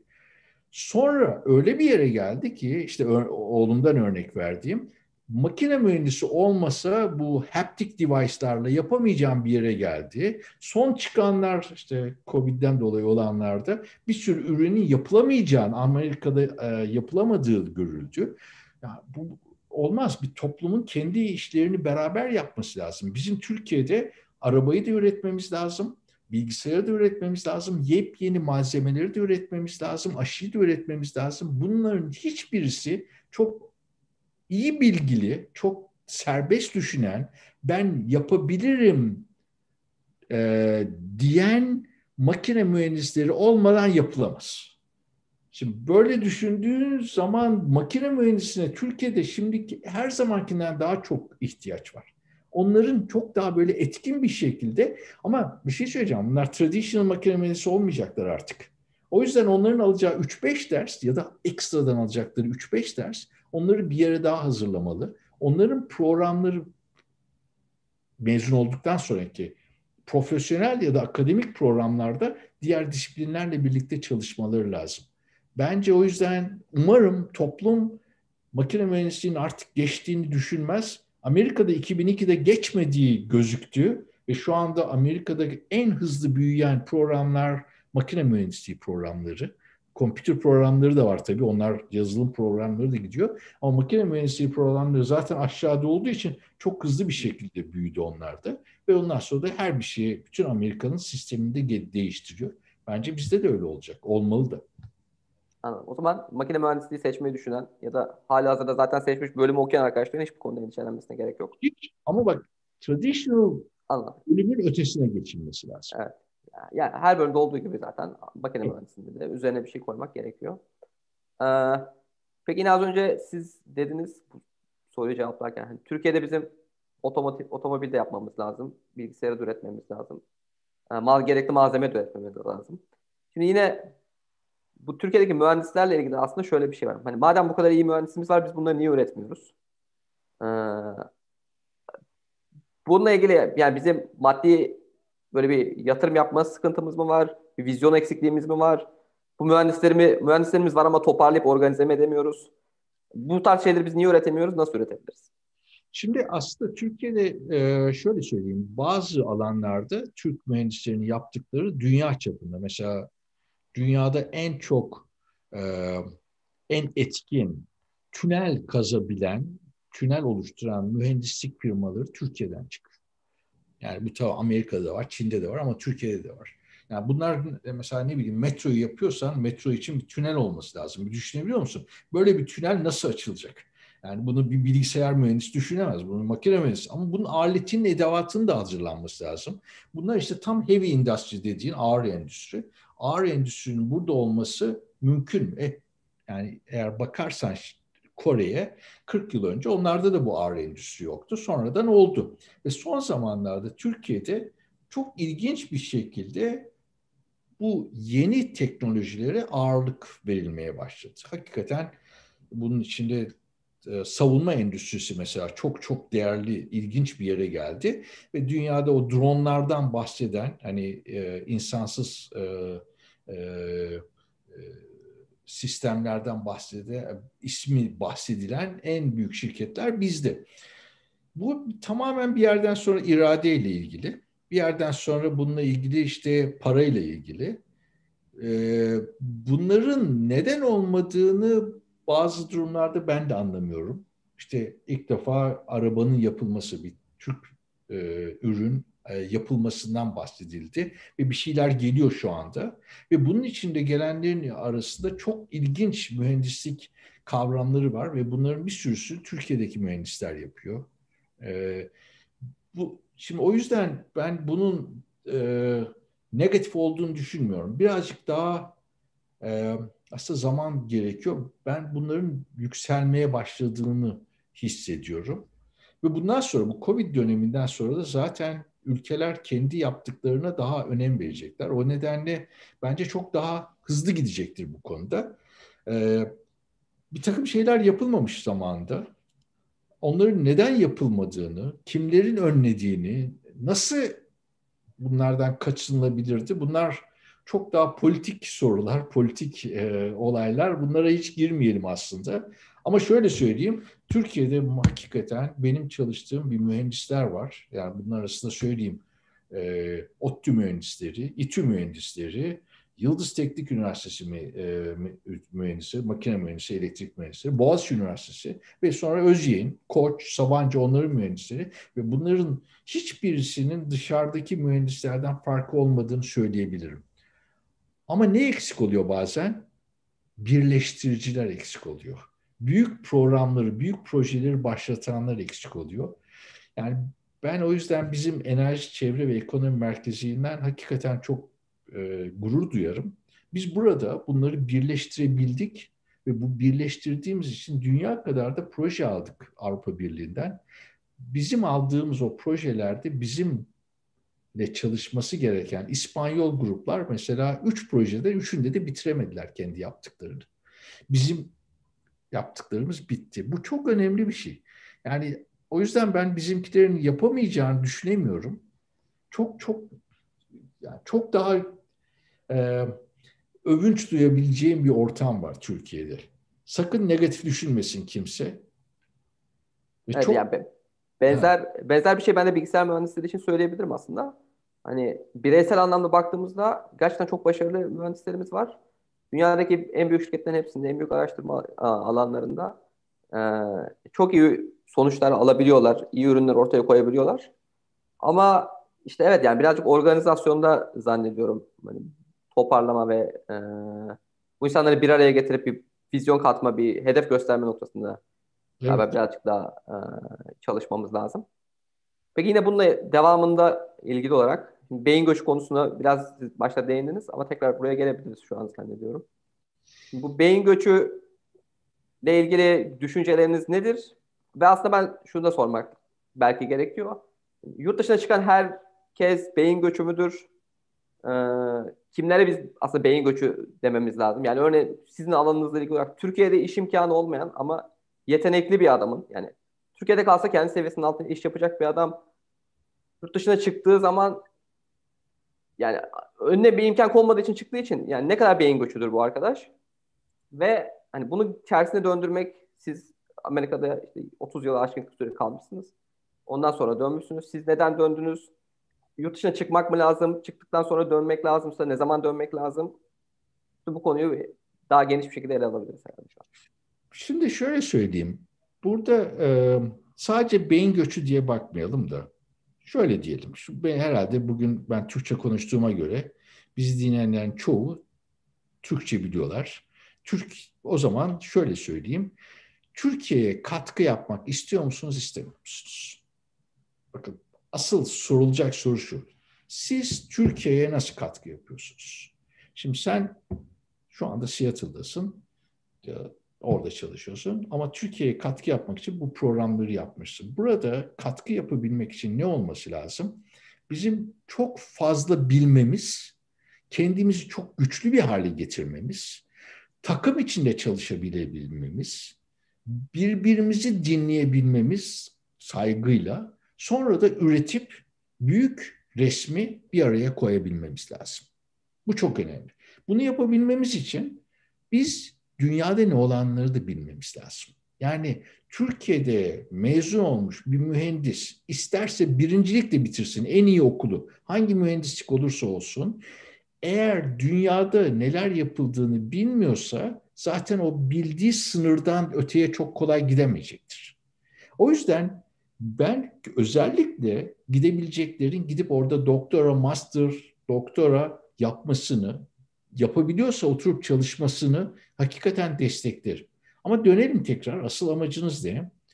Siz bir yerden sonra Türkiye'ye katkı yapmak için kendinize anlam yüklerseniz siz orada ne yaparsanız yapın, ne kadar çalışırsanız çalışın Türkiye'ye katkı yapmaya devam edeceksiniz. Mesela Aziz Sancar'ı söyleyeyim. Nobel'i aldı. North Carolina State Üniversitesi'de değil mi? Ee, orada onun şu anda Türkiye'ye yaptığı katkı herhalde hiç az değil. Çünkü kaç kişi onun sayesinde bilime doğru yönlenmeye başladı. O bilime yönlenebilecek kadar, yönlendirebilecek kadar kendini öne çıkartabildi mesela. Gidip eğer sen yarın öbür gün bambaşka bir Google kurarsan bir sürü insan senin yaptığın başarıdan dolayı hayran olacaklar, onu devam ettirmeye çalışacaklar. Ama ondan sonra sorun, sizin asıl amacınız ne? Anlam olarak ne düşünüyorsunuz? Anlam olarak biz kesinlikle Türkiye'den vazgeçemeyiz, vazgeçmemeliyiz. Benim yaptığım da oydu zaten. Bundan yaklaşık olarak 11 yıl önce işte Erhan Hoca bana söylediği zaman geldi. Sonra benim bir gitmem ihtimali vardı tekrar Amerika'ya. Ee, o zaman Hüsnü Bey bana burada tekrar kal dediği için ben tekrar kaldım. Oradaki en güzel şeylerden birisi o anlamı hissettirebilmekti. Benim burada da yapmak istediğim zaten o. Sizin hepinize ben Türkiye'de yaşamanın anlamını söyleyeyim.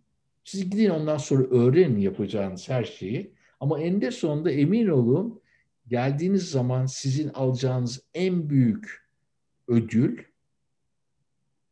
kazandığınız para değil, yaptığınızı topluma derin bir şekilde verebilmekten geçecektir. Onu da yapabilmek için aslında çok ilginç bir şey daha olması lazım. bütün mühendislerin daha fazla tarih bilmesi lazım. Tarih bildiğiniz zaman onu görüyorsunuz. Türkiye'de bir sürü gelişme olmuş zaman içinde. Tarih içinde. Yani burada yetişmiş olan bilim adamlarını 1200'lerde Türkiye'ye göç etmiş olan o beyin göçü diyebileceğimiz bir sürü e, İranlıyı anlatamam. Yani onlar o zaman buraya gelmişler. Burada hakikaten Osmanlı'nın ilk kurulduğu zamanlar ya da ondan önceki beylikler sırasında korkunç bir beyin göçü olmuş. Bu Orta Doğu, e, Orta Asya'dan ve e, İran bölgesinden ve onlar burada oluşturmuşlar. O gördüğün 1200'lerdeki camiler, medreseler, çeşmeler onların hepsi muhteşem şeyler. Yani benzeri bir şey bir defa daha olabilir. Bunların üzerine başka bir zaman tekrar gideriz. Fazla konuşmayayım ama bunların hepsi bir yerden sonra sizin hani kanınızda olması lazım, DNA'nızda olması lazım. Yani onunla gelip ben Türkiye'de de Türkiye'de olanlar için bir şeyler yapacağım diye. Ama ona kadar gidin dünyayı öğrenin. Öğrenip gelin. Mümkün olduğunca Türkiye'ye katkıda devam edin ama. Aslında sizin gibi tecrübeli bir isimden bunları duymak paralel düşündüğümüz için çok mutlu oldum şu an. Yani benim de yani her zaman dediğim yani Google gibi bir şirket Türkiye'de niye yok? Nasıl Google kurarız diye düşünüyorsak bir gelip Google'da ne yapılıyor ve onu görmek lazım. Yani ondan sonra bu bilgileri aldıktan sonra zaten teknoloji transferi vesaire gibi dediğim şeylerde biraz gidip görerek olan şeyler. Evet. Ve burada ihtimaller çok daha fazla. Yani bugün Google'ın yerine yeni bir şirket düşünmeye başlarsan seni buraya geldiğin anda etrafında zaten olağanüstü enerjik insanlar bulacaksın. Benim gördüğüm en güzel şey buydu. Ben buraya ilk geldiğim zaman işte e, Avrupa Birliği'ne gidiyordum TÜBİTAK'ın delegesi olarak enerji üzerinde ama geliyordum. Şunu söyleyeyim, TÜBİTAK'ta o zaman, hala öyledir de o zaman ben çok yakın TÜBİTAK'ta çalışmıştım. Orada çalışıp da bu Avrupa Birliği işlerini düzenleyen 10-15 tane genç böyle yeni mezun hatta doktorasını yapan, master'ını yapan çalışan vardı. Onların o heyecanı, gözlerindeki pırıltı inanılmazdı. Yani Google gibi bir şirket buraya geldiği zaman o pırıltıları gördüğü anda zaten burada çıkacaklar da başka olacaktır. Ama Google gibi bir şirketten şirketle yarışabilmek için de Google'ın içinde çalışabilmek lazım. Eminim sen orada da ne biçim zeki adamların olduğunu görüyorsun. Nasıl adamların çalıştığını görüyorsun. Ama bir şey sorabilirsin. Acaba onların anlamıyla senin burada kuracağın bir şirketin anlamı arasında fark var mı? Fark olacak mı diye. Bunu da bak yine bir başka bir zaman böyle sosyal bilimlerde çalışan birisiyle de konuşabilmeniz lazım. O anlamı yani Türkiye'de kurulacak bir şirkete katkıda bulunacak mühendislerin ne kadar büyük düşünebildiğini psikolojiden, sosyolojiden, toplum bilimlerinden birileriyle konuşmanız lazım.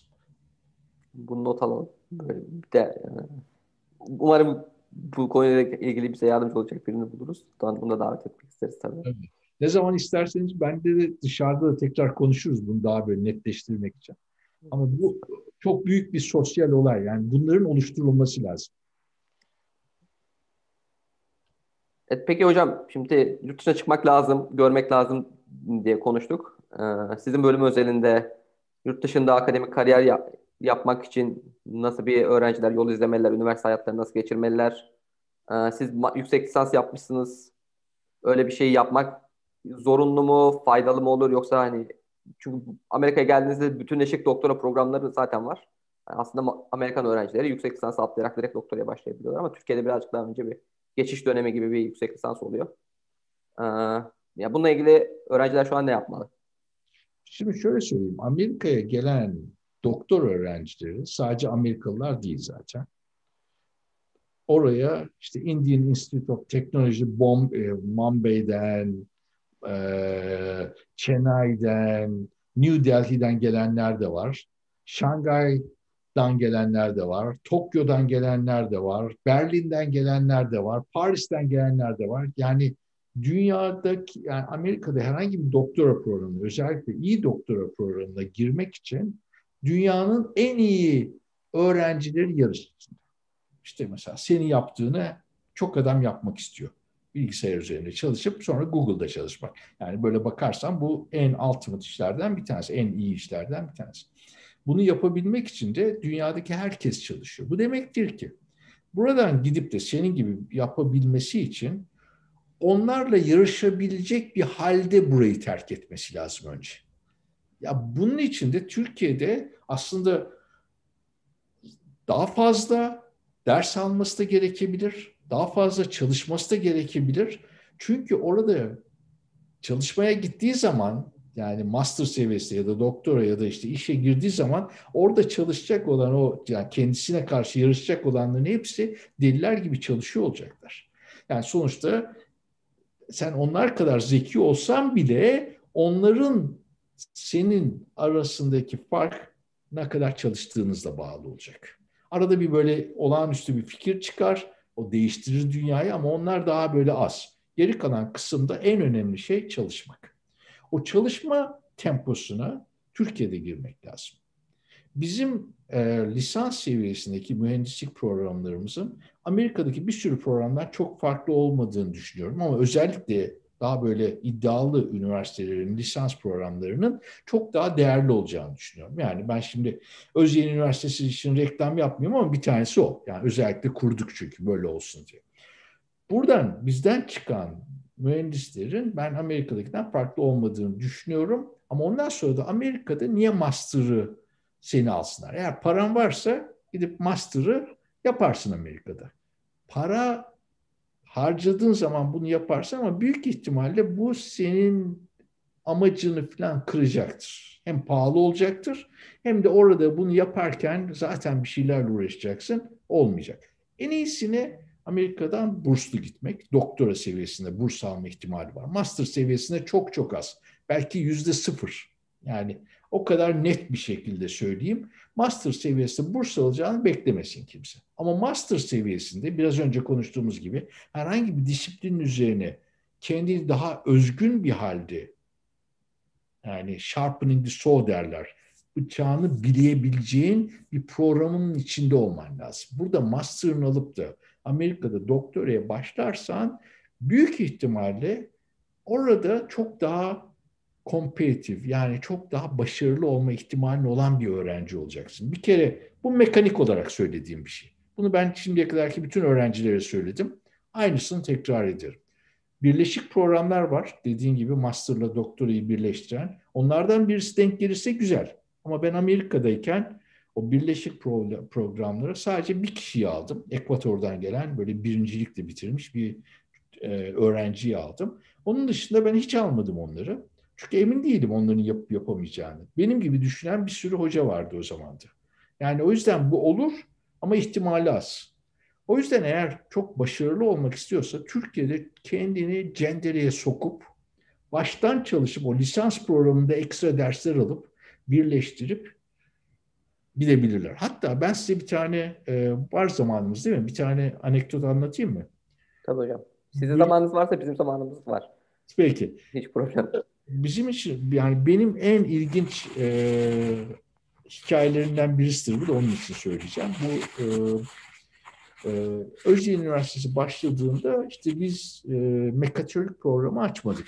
Biliyorum soruyordunuz onu o sorulardan bir tanesi. O bir yerden sonra seçenek.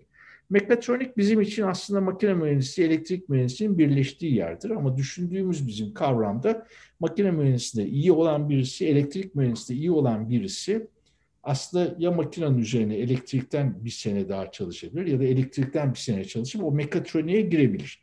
Bir de bizim iki, üçüncü sınıftan sonra mekatronik içinde böyle hem elektrikte hem makinede olan dersler var. Bunlarla da yeni bir şeyler yapıyorlar. Hatta bizim biliyorsunuz e, e, bir robot takımımız var. Özü robot takımı ve ODTÜ'nün robot takımı. Onlar dünyadaki en iyi yedi takım arasına girdiler bu yıl. Bu Covid sırasında bile.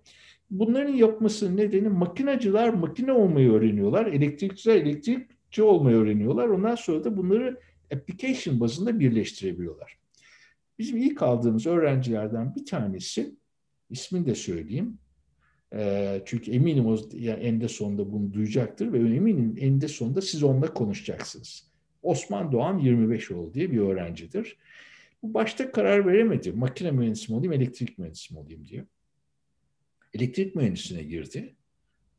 Ee, ilk aldığımız öğrencilerden birisi. Sonradan makine mühendisliğinde de devam etti. Bir de makine yani arada bir sürü ders aldı makine mühendisinden. Seçmeli derslerin hepsini makineden aldı. Ama sonuçta bir yıl daha okuyup hem elektrik mühendisi hem makine mühendisi oldu. Şimdi bu öğrenci 5 yılda bitirdi. Yani aslında mekatroniğin özü oldu bu. Ve Amerika'ya doktoraya gitmek istedi. Tam o sırada benim hep oğlumdan da bahsediyorum. Oğlum da Oregon State'te öğretim üyesi oldu. Oregon State'in çok ilginç bir e, inisiyatifi, başlangıcı vardı. Robotik üzerinde çok güçlü bir program kurdular. O programın içine programa başvurdu. Ve ondan sonra geldi bana söyledi. Başvurduğu hoca benim oğlum. Şimdi bu durumda benim ikilemimi düşünün. Bir. Bu adam daha yeni hoca olmuş, orada asistan profesör olarak başlayan benim oğluma gidecek, belki onun başını yakacak. Yani biz buradan mezun ediyoruz ama bilmiyorum ki ne olacağını. Ya da bizim mezun ettiğimiz en iyi öğrencilerden birisinin başını benim oğlum yakacak. Gidecek ondan sonra onu hocayla çalışamayacak. İkisini de bilmiyorum. Çünkü bir hoca seçmek aslında bir yerden sonra kişiliklerin de uyuşması lazım. O kadar hızlı da çalışman lazım. Ve çok ilginç olarak ben dışında kaldım ve oğlum seçti Osman Doğan'ı. Osman Doğan da gitti ve bu yıl Aralık'ta iki ay, işte bir ay sonra, bir buçuk ay sonra mezun olacak. Doktorasını bitirecek. Ve sonra önünde çok ilginç bir kariyer var ve bu sırada adam bir sürü ilginç şeyler yaptı.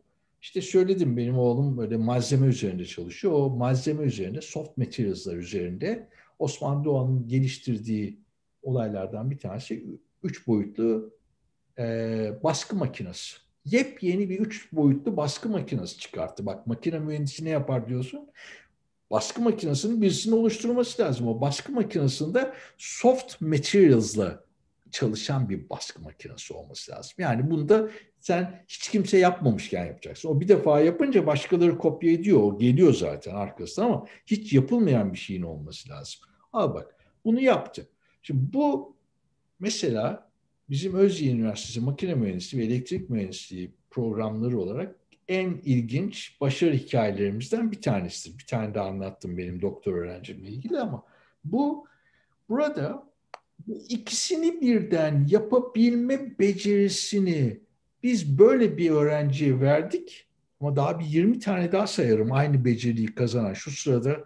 O yüzden bir sürü şirkette, Almanya'da, Amerika'da çalışmaya devam eden daha bir sürü öğrencimiz var bu şekilde yapan. Bence bunu yapabilmek için bir tek şey var. Thinking out of the box şart. Kutunun dışında düşüneceksiniz. Siz sizin etrafınızdakilerin tanımladığı mühendisi olmayın. Ama nasıl bir mühendis olun ya da nasıl bir bilim adamı olun, nasıl bir girişimci olun bunu sizin mümkün olduğunca okumanız lazım zaten. Takip etmeniz lazım. Ama önden sonra da gidip denemeniz lazım. Orada başka şeyler de var. Mesela Türkiye'den gidenleri en çok üzen şeylerden biri başarısızlıktır. Öyle bir şey de yok.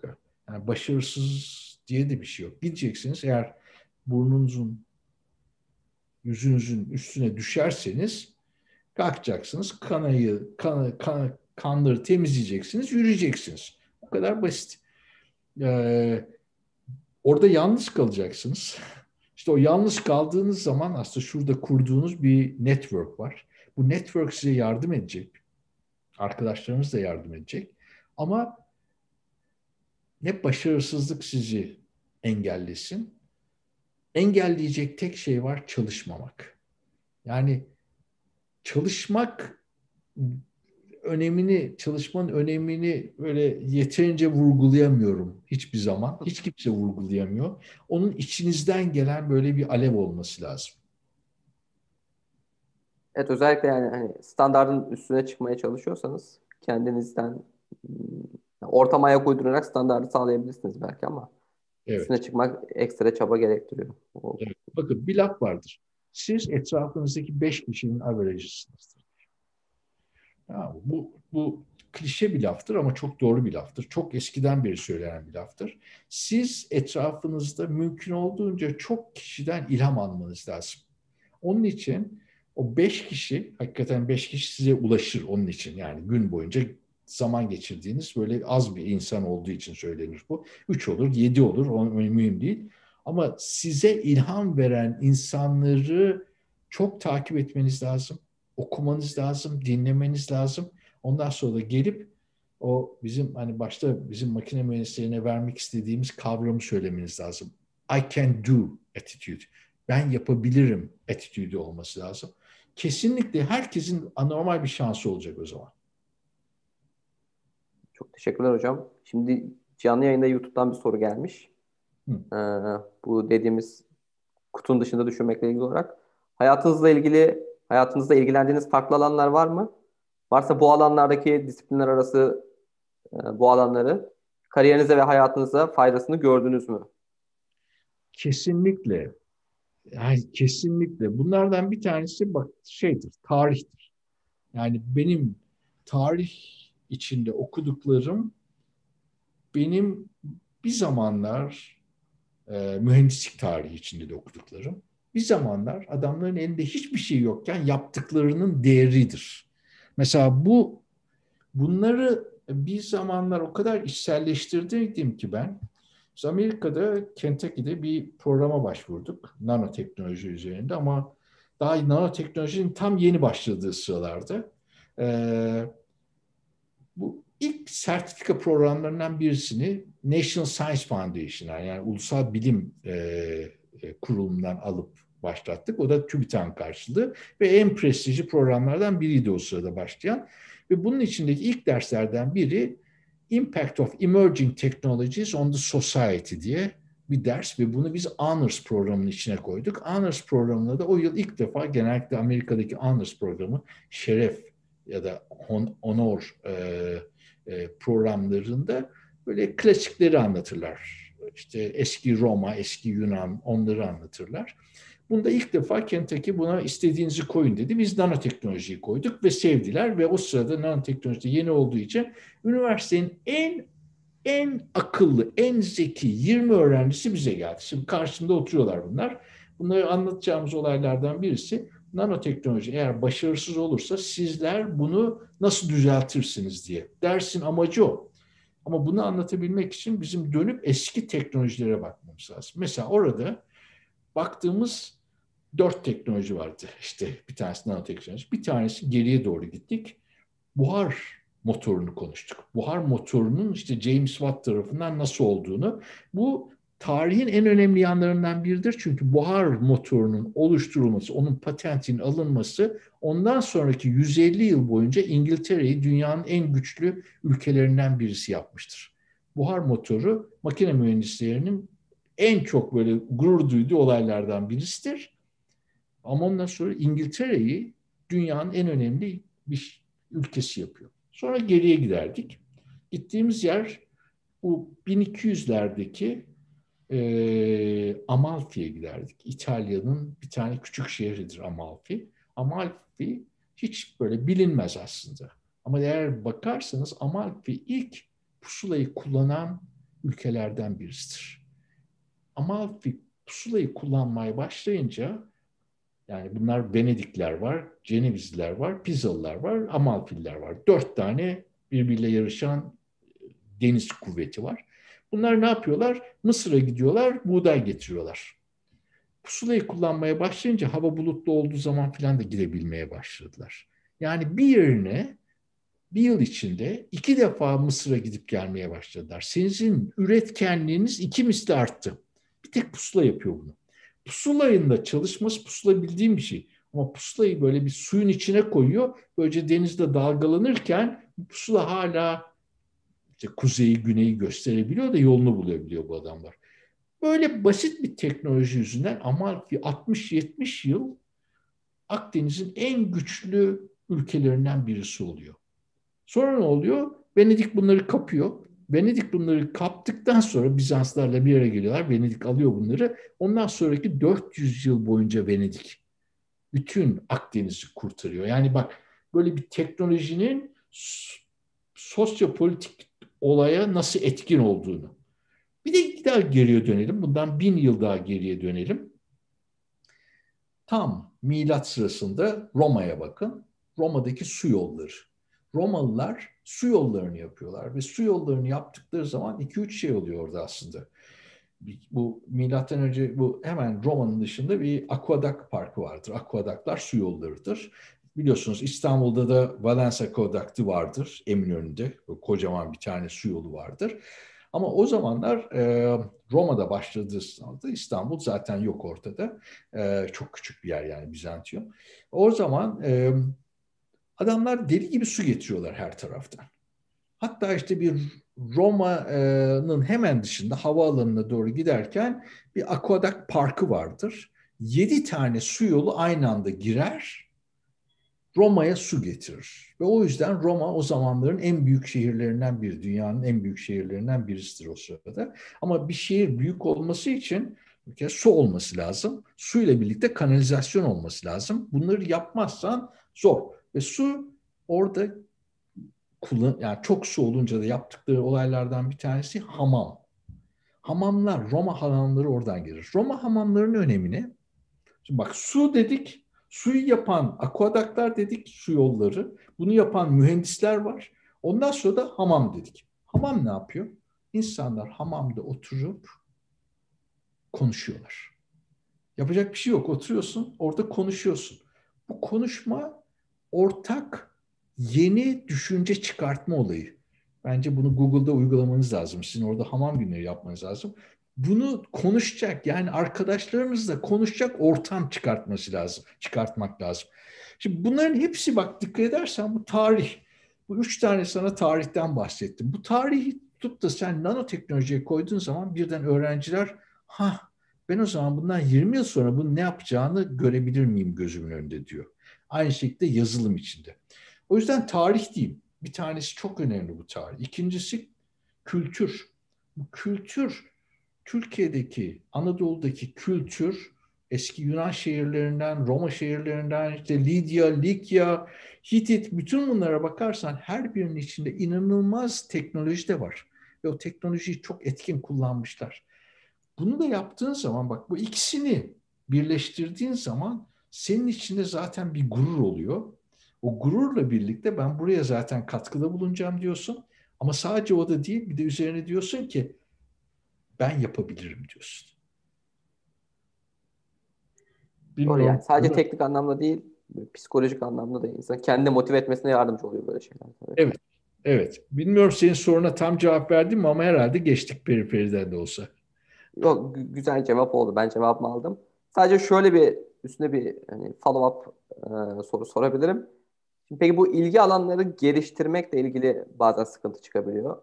Örneğin siz bu tarihi olan ilgi alanınızı, kültür olan ilgi alanınızı zaten makine mühendisliğine bağımsız olarak mı vardı? Yoksa hani çünkü öğrenciler işte şöyle bir şey olabilir yani hani ben makine mühendisiyim ve makine, daha iyi bir makine mühendisi olmak için şöyle şöyle ekstra konulara da ilgi duymalıyım gibi zorlama bir şekilde de aslında Tabii. E, yapmaya Tabii. çalışırlar. Tabii. Nasıl, nasıl olması lazım bu işin? İçinizden gelmesi lazım.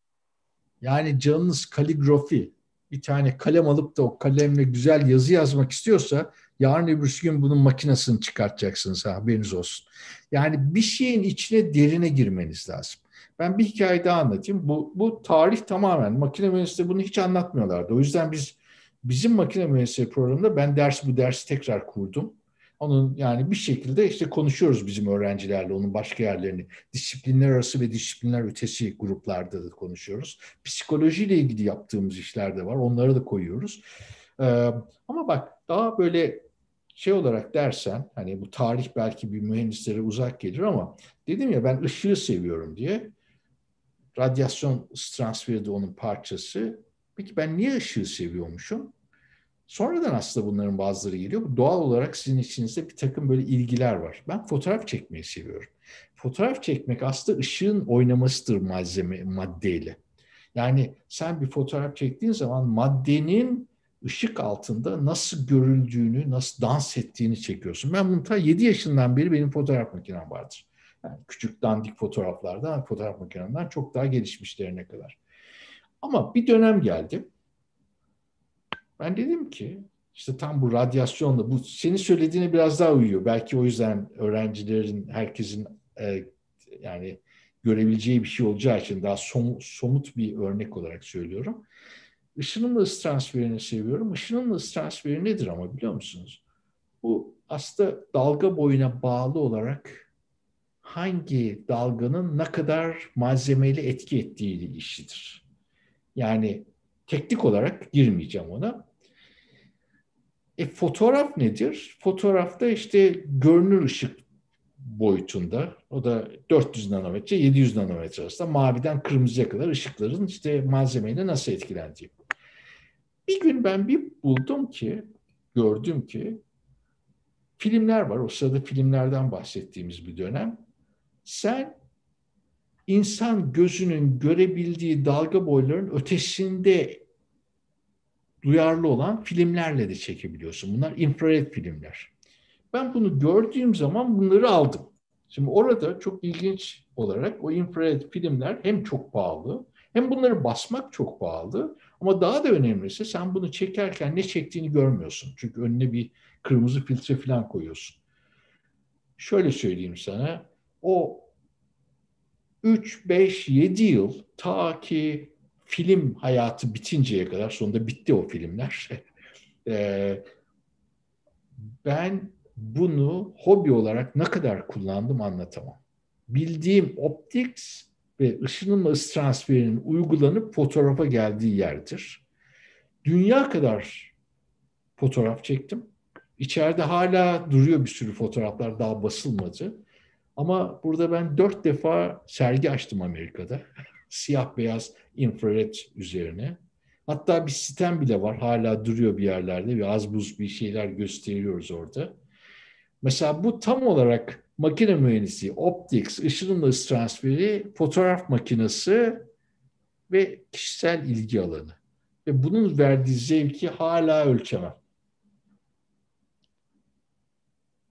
Peki hocam şey sorayım.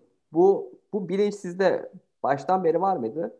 Hani bu yani ekstra yani şöyle şöyle baştan alayım konuyu. Mesela biz Bilkent'teyken böyle ekstra dersler alırdık mühendislik hmm, mühendislik dışındaki derslerden. Orada böyle genel algı şöyleydi. Hani biz mühendis olacağız. Bunlarla ne işimiz var? Ee, boşuna işte hem ders yükü oluyor. ilgilenmiyoruz da. Ama ben sonradan baktığımda aslında orada öğrendiğim şeylerin çok faydalı olduğunu sonradan Hı. görüyorum. Evet. Şimdi muhtemelen yani şu anki öğrenci arkadaşlar da aynı durum olabilir. Yani bu birazcık hmm, geleceği görerek yatırım yaptığınız bir konu olmuyor bu aslında ilgi alanları dediğimiz şey. Ama hani belli bir noktaya geldikten sonra geçmişe dönüp baktığınızda daha çok bunun faydasını görebiliyorsunuz. Şimdi şöyle söyleyeyim. Burada aslında belki herkese söyleyebileceğim yani bunları söylerken ben kendim başlasam da bunları kendime söylerim. Oğluma da söylerdim. Başkasına da söylerim. Sizlere de söylemek isterim. Aslında bir kere sadece mühendis olmaya çalışılmaması lazım. Bu hata. Sadece ekonomist de olmayacaksın. Sadece şehir planlayıcısı da olmayacaksın. Bir kere büyük resme bakabilecek bir seviyede olmak lazım. Büyük resme bakabilmek için de mühendisliğin parayla olan ilişkisini, paranın toplumla olan ilişkisini, toplumun psikolojiyle olan ilişkisini bunları da görebilecek bir şeyler olması lazım. Ama bunları yapabilmek işte biraz önce söylediğim etrafındaki beş kişi senin averajındır diye etrafındaki herkes sana mühendis olmayı söylüyorsa zaten yandın. Bir kere orada iş bitiyor.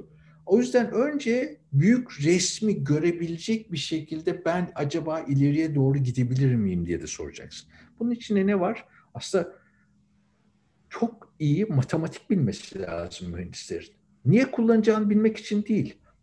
Ama gerekecek. Yani bunu herhalde sen Google'da çalışırken daha da iyi gördün.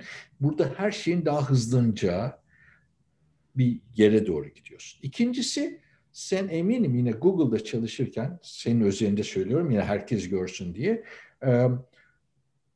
senin yazdığın algoritma o algoritmayı kullanacak alet device'dan yani bilgisayardan ayrık değil. Demek ki senin bilgisayarı da öğrenmen lazım burada.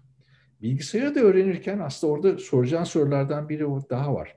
Senin yazdığın algoritma o bilgisayarın sıcaklığını çok hızlı artırıyorsa, gereksiz bir sürü işlem yapıyorsa Bir kere senin patronu seni atacak işten. Çünkü kullanmayacak ondan sonra.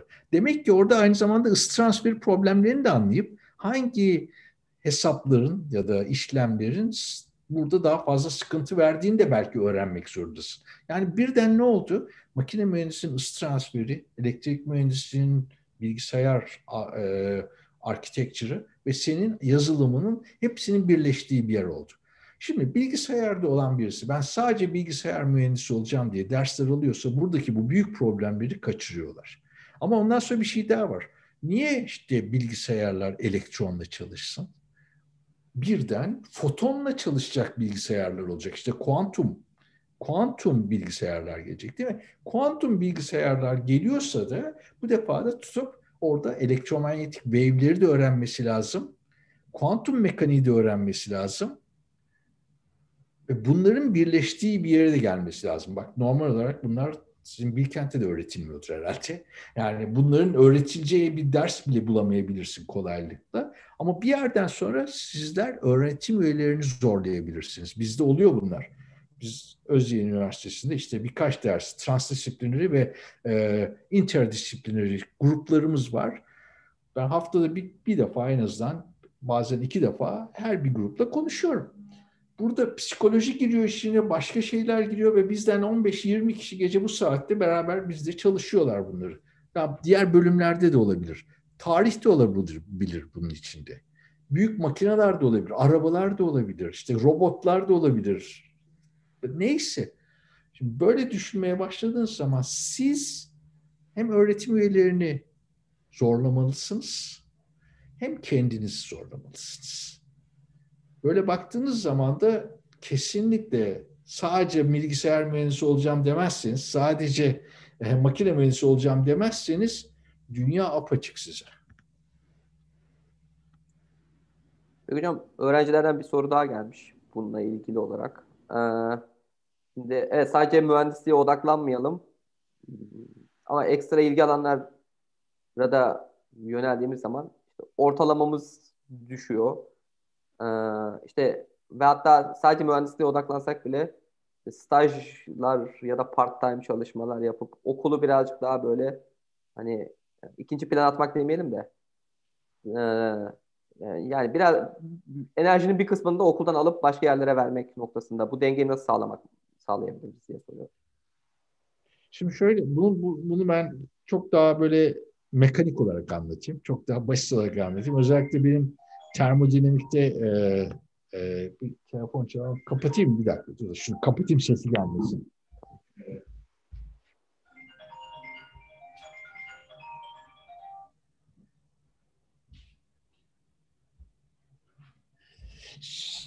Şimdi e,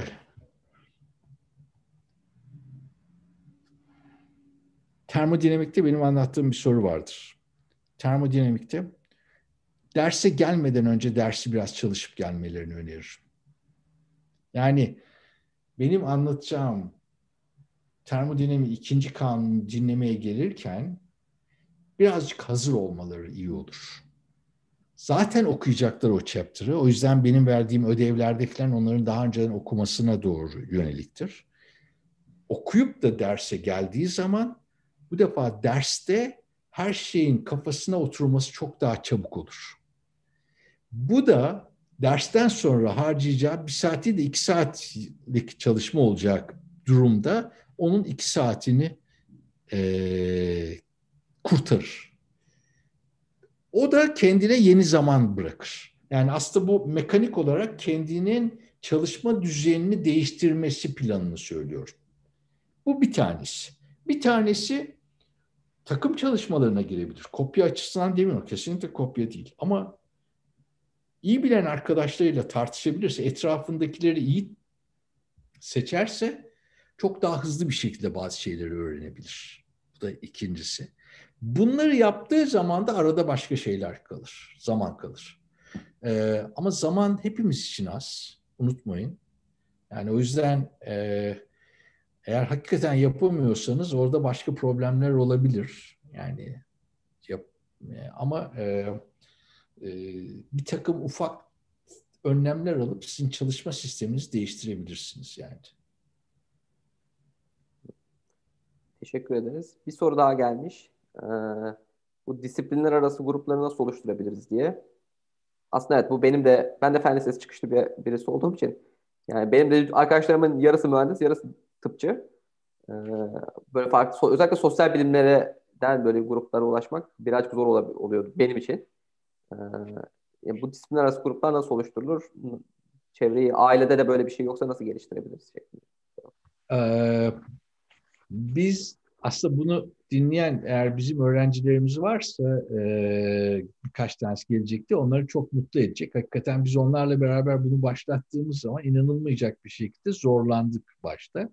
Ama e, burada tabii birkaç tane de öğretim üyesinin daha olması lazım. Birkaç hocayı daha alacaksınız. O yüzden yani benim sistematik olarak yaptığım bir şey vardı üniversitede. Kentucky'de de, Özyeğin'de de. E, ben gidip seçiyordum. Yani eğer bir konu varsa, amaç kalem yapmaksa, mürekkep yapan adamla da oturup konuşacaksın. Boyayı yapan insanla da konuşacaksın. Onlarla ufak ufak, bunun ismi de kahve kültürü. Kahve içeceğiz. Yani dünya kadar kahve içtim ben bu tasarımcılarla, Osmanlıcayı çevirebilenlerle, yapay zeka ile çalışanlarla, tasarımcı mimarlarla. Yani o kadar çok iş yaptım ki sizin yapabilme yetkiniz var. Bizde çalışanlardan birkaç tane var. Mesela disiplinler ötesinde beş tane psikoloji öğrencisi var. Bunlar kendileri geldiler beni buldular. Ben onları zorla bulmadım. Ve onlarla beraber çalıştığımız bir Selenge hocamız var. Selenge hocamız da psikoloji hocası. Onlarla birlikte başladı. Ne kadar uçacağız bilmiyorum ama bizim yaptıklarımızı biz şimdi Covid'e uyguluyoruz. Covid döneminde anlaşmaya. Bundan sonra da iklim değişikliğinde toplumu nasıl değiştirebiliriz diye gitmeye başlıyoruz. Yani bunu yapabilmemiz için bizim onlarla sıkı sıkı çalışmamız lazım. Öte yandan disiplinler arasında iki tane mimar var. Bir tane endüstri mühendisi var. İşte Furkan, Seda, ee, onlarla birlikte dünya kadar iş yapmaya başladık. Onlar içinden geliyor. Yani sizin yaşınızdakiler yapıyor bunu. Başkaları değil. Sizin yaşınızdakiler gidip zorlasınlar. En sevdikleri birkaç hocayı getirsinler. Onlara kahve ikram etsinler. Eğer çalışmazsa onlarla başkalarını getirsinler. Yani armut piş, ağzıma düş yok. Sizin içinde eğer siz, bunun ismi de girişimcilik aslında bunun ismi sosyal girişimcilik. Bunun ismi kişisel girişimcilik. Siz kendiniz geliştiriyorsunuz bu kavramları. Oraya koyuyorsunuz. O yüzden bence bundan vazgeçmeden devam edilmesi lazım. Bazı üniversitelerde vardır eminim. Mesela bu disiplinler arası, disiplinler ötesi işini en iyi beceren üniversitelerden bir tanesi Stanford'dur. Yani orada yaptığı olaylar vardı. Biz de bunların benzerini burada geliştirmeye çalıştık. Ama e, her üniversitede yok. O yüzden sizin başlatmanız lazım bazen. Yani ben şöyle bir şey ekleyebilirim belki. Ee, özellikle üniversite seviyesinde, yani kendi başınızda bu işlere birazcık daha disiplin arası gelişmek istiyorsanız, hani Yandal programları ben Georgia Tech'le doktora seviyesinde bile bizim bilgisayar mühendisliği dışında bir alanda Yandal yapmamız gerekiyordu. Ben işletmeden yaptım. Yani tamam. inanılmaz bu işin hani tam mühendislik geliştirme kısmı var ama bir de e, sektörel bir boyutu var yani işletme kısmı var. Yani onu ben orada çok güzel anlama fırsatı buldum. Aldım 3 dersle bunu söyleyebilirim. Hatta ondan sonra şöyle bir pişmanlığım oldu. Yani keşke lisansla sadece bu kadar bilgisayar mühendisliği üzerine odaklanmak yerine gerekirse ortalamadan birazcık daha fedakarlık ederek hani yan dal yapmasam bile bazı derslere girseydim çıksaydım kimse beni Bilkent'te sen burada ne yapıyorsun demeyecekti yani hiçbir derste. Ee, yani hem bu şekilde o alanlara olan ilgimi birazcık geliştirebilirdim. Hem oradan network oluşturabilirdim. Ee, böyle bir şey ben de eklemek olay, olayım. Bak o zaman sana şöyle söyleyeyim. Bir kere e, ne kadar doğru düşündüğünü benim vurgulayayım, vurgulamam gerekir. Çünkü aynısını, söylediğin aynısını ben tekrarlıyorum. Devamlı olarak benim sınıflarımda, konuşmalarımda. Ama bunları bana öğreten birisi daha vardır. İşte ben yaklaşık olarak sizlerin yaşındayken, yani doktora yaparken Purdue'de e, o zaman Wisconsin'den bir profesör geldi. Bu adam Bird'dür. Bird ismi Bird. Bu adamın bir kitabı vardır. Ta yani ben doğduğum günlerde yazmış bu kitabı. Adamın kitabı birinci edisyondan çıkmamış. O kadar muhteşem bir kitap yazmışlar ki. İşte bize geldiği zaman bu kitabın 30. yılı falandı. Bir defa daha değiştirilmemiş. Kelimesi böyle noktası değişmemiş. O kadar güzel bir şekilde yazılmış. Bu adam bir konuşma yaptı. Adam yedi dil konuşabiliyor ve bir e, bir piyano virtüöz. Yani böyle konser verecek kadar piyano çalan bir adam. Bu adamın söylediği bir laf vardır. Bu muhteşem bir profesördür. Bu adam gidip üniversitedeyken olabilecek bütün dersleri alın derdi. Dert etmeyin derdi şeylerinizi. Ee, yani grade point average'lerinizi. Mümkün olduğunca ders alın. Çünkü bu dersleri almazsanız üniversiteden çıktıktan sonra bir daha onları bu kadar rahat duyamazsınız derdi. Tabii bugünlerde değişik. O zamanlarda TEDx'ler yok, TED konuşmaları yok, internet yok. Bugünlerde hepsi var. Ama bu zamanda da siz kendinizi bunlarla doldurmaya bakın. Yani TED konuşmaları mesela bir sürü sonların palavra. Ama bir iyileri de var. O iyileri bulabilme de zaten sizin beceriniz olsun. O iyileri bulduğunuz zaman da bunu paylaşın birbirinizle. Yani belki de bir grup olarak paylaşın ki iyiliğin ne olduğunu birbirinize anlatın. Ama adamın söylediği oydu. Siz kaç puan aldığınıza değil, ne kadar çok ders aldığınıza bakın diye. Aynı yerlere geliyoruz dikkat edersen. Sen de söyledin, ben de söyledim, adam da söyledi. Başarılı olanların yaptığı her zaman budur. Güzel bir noktaya bağladık. Ee, diğer soruyu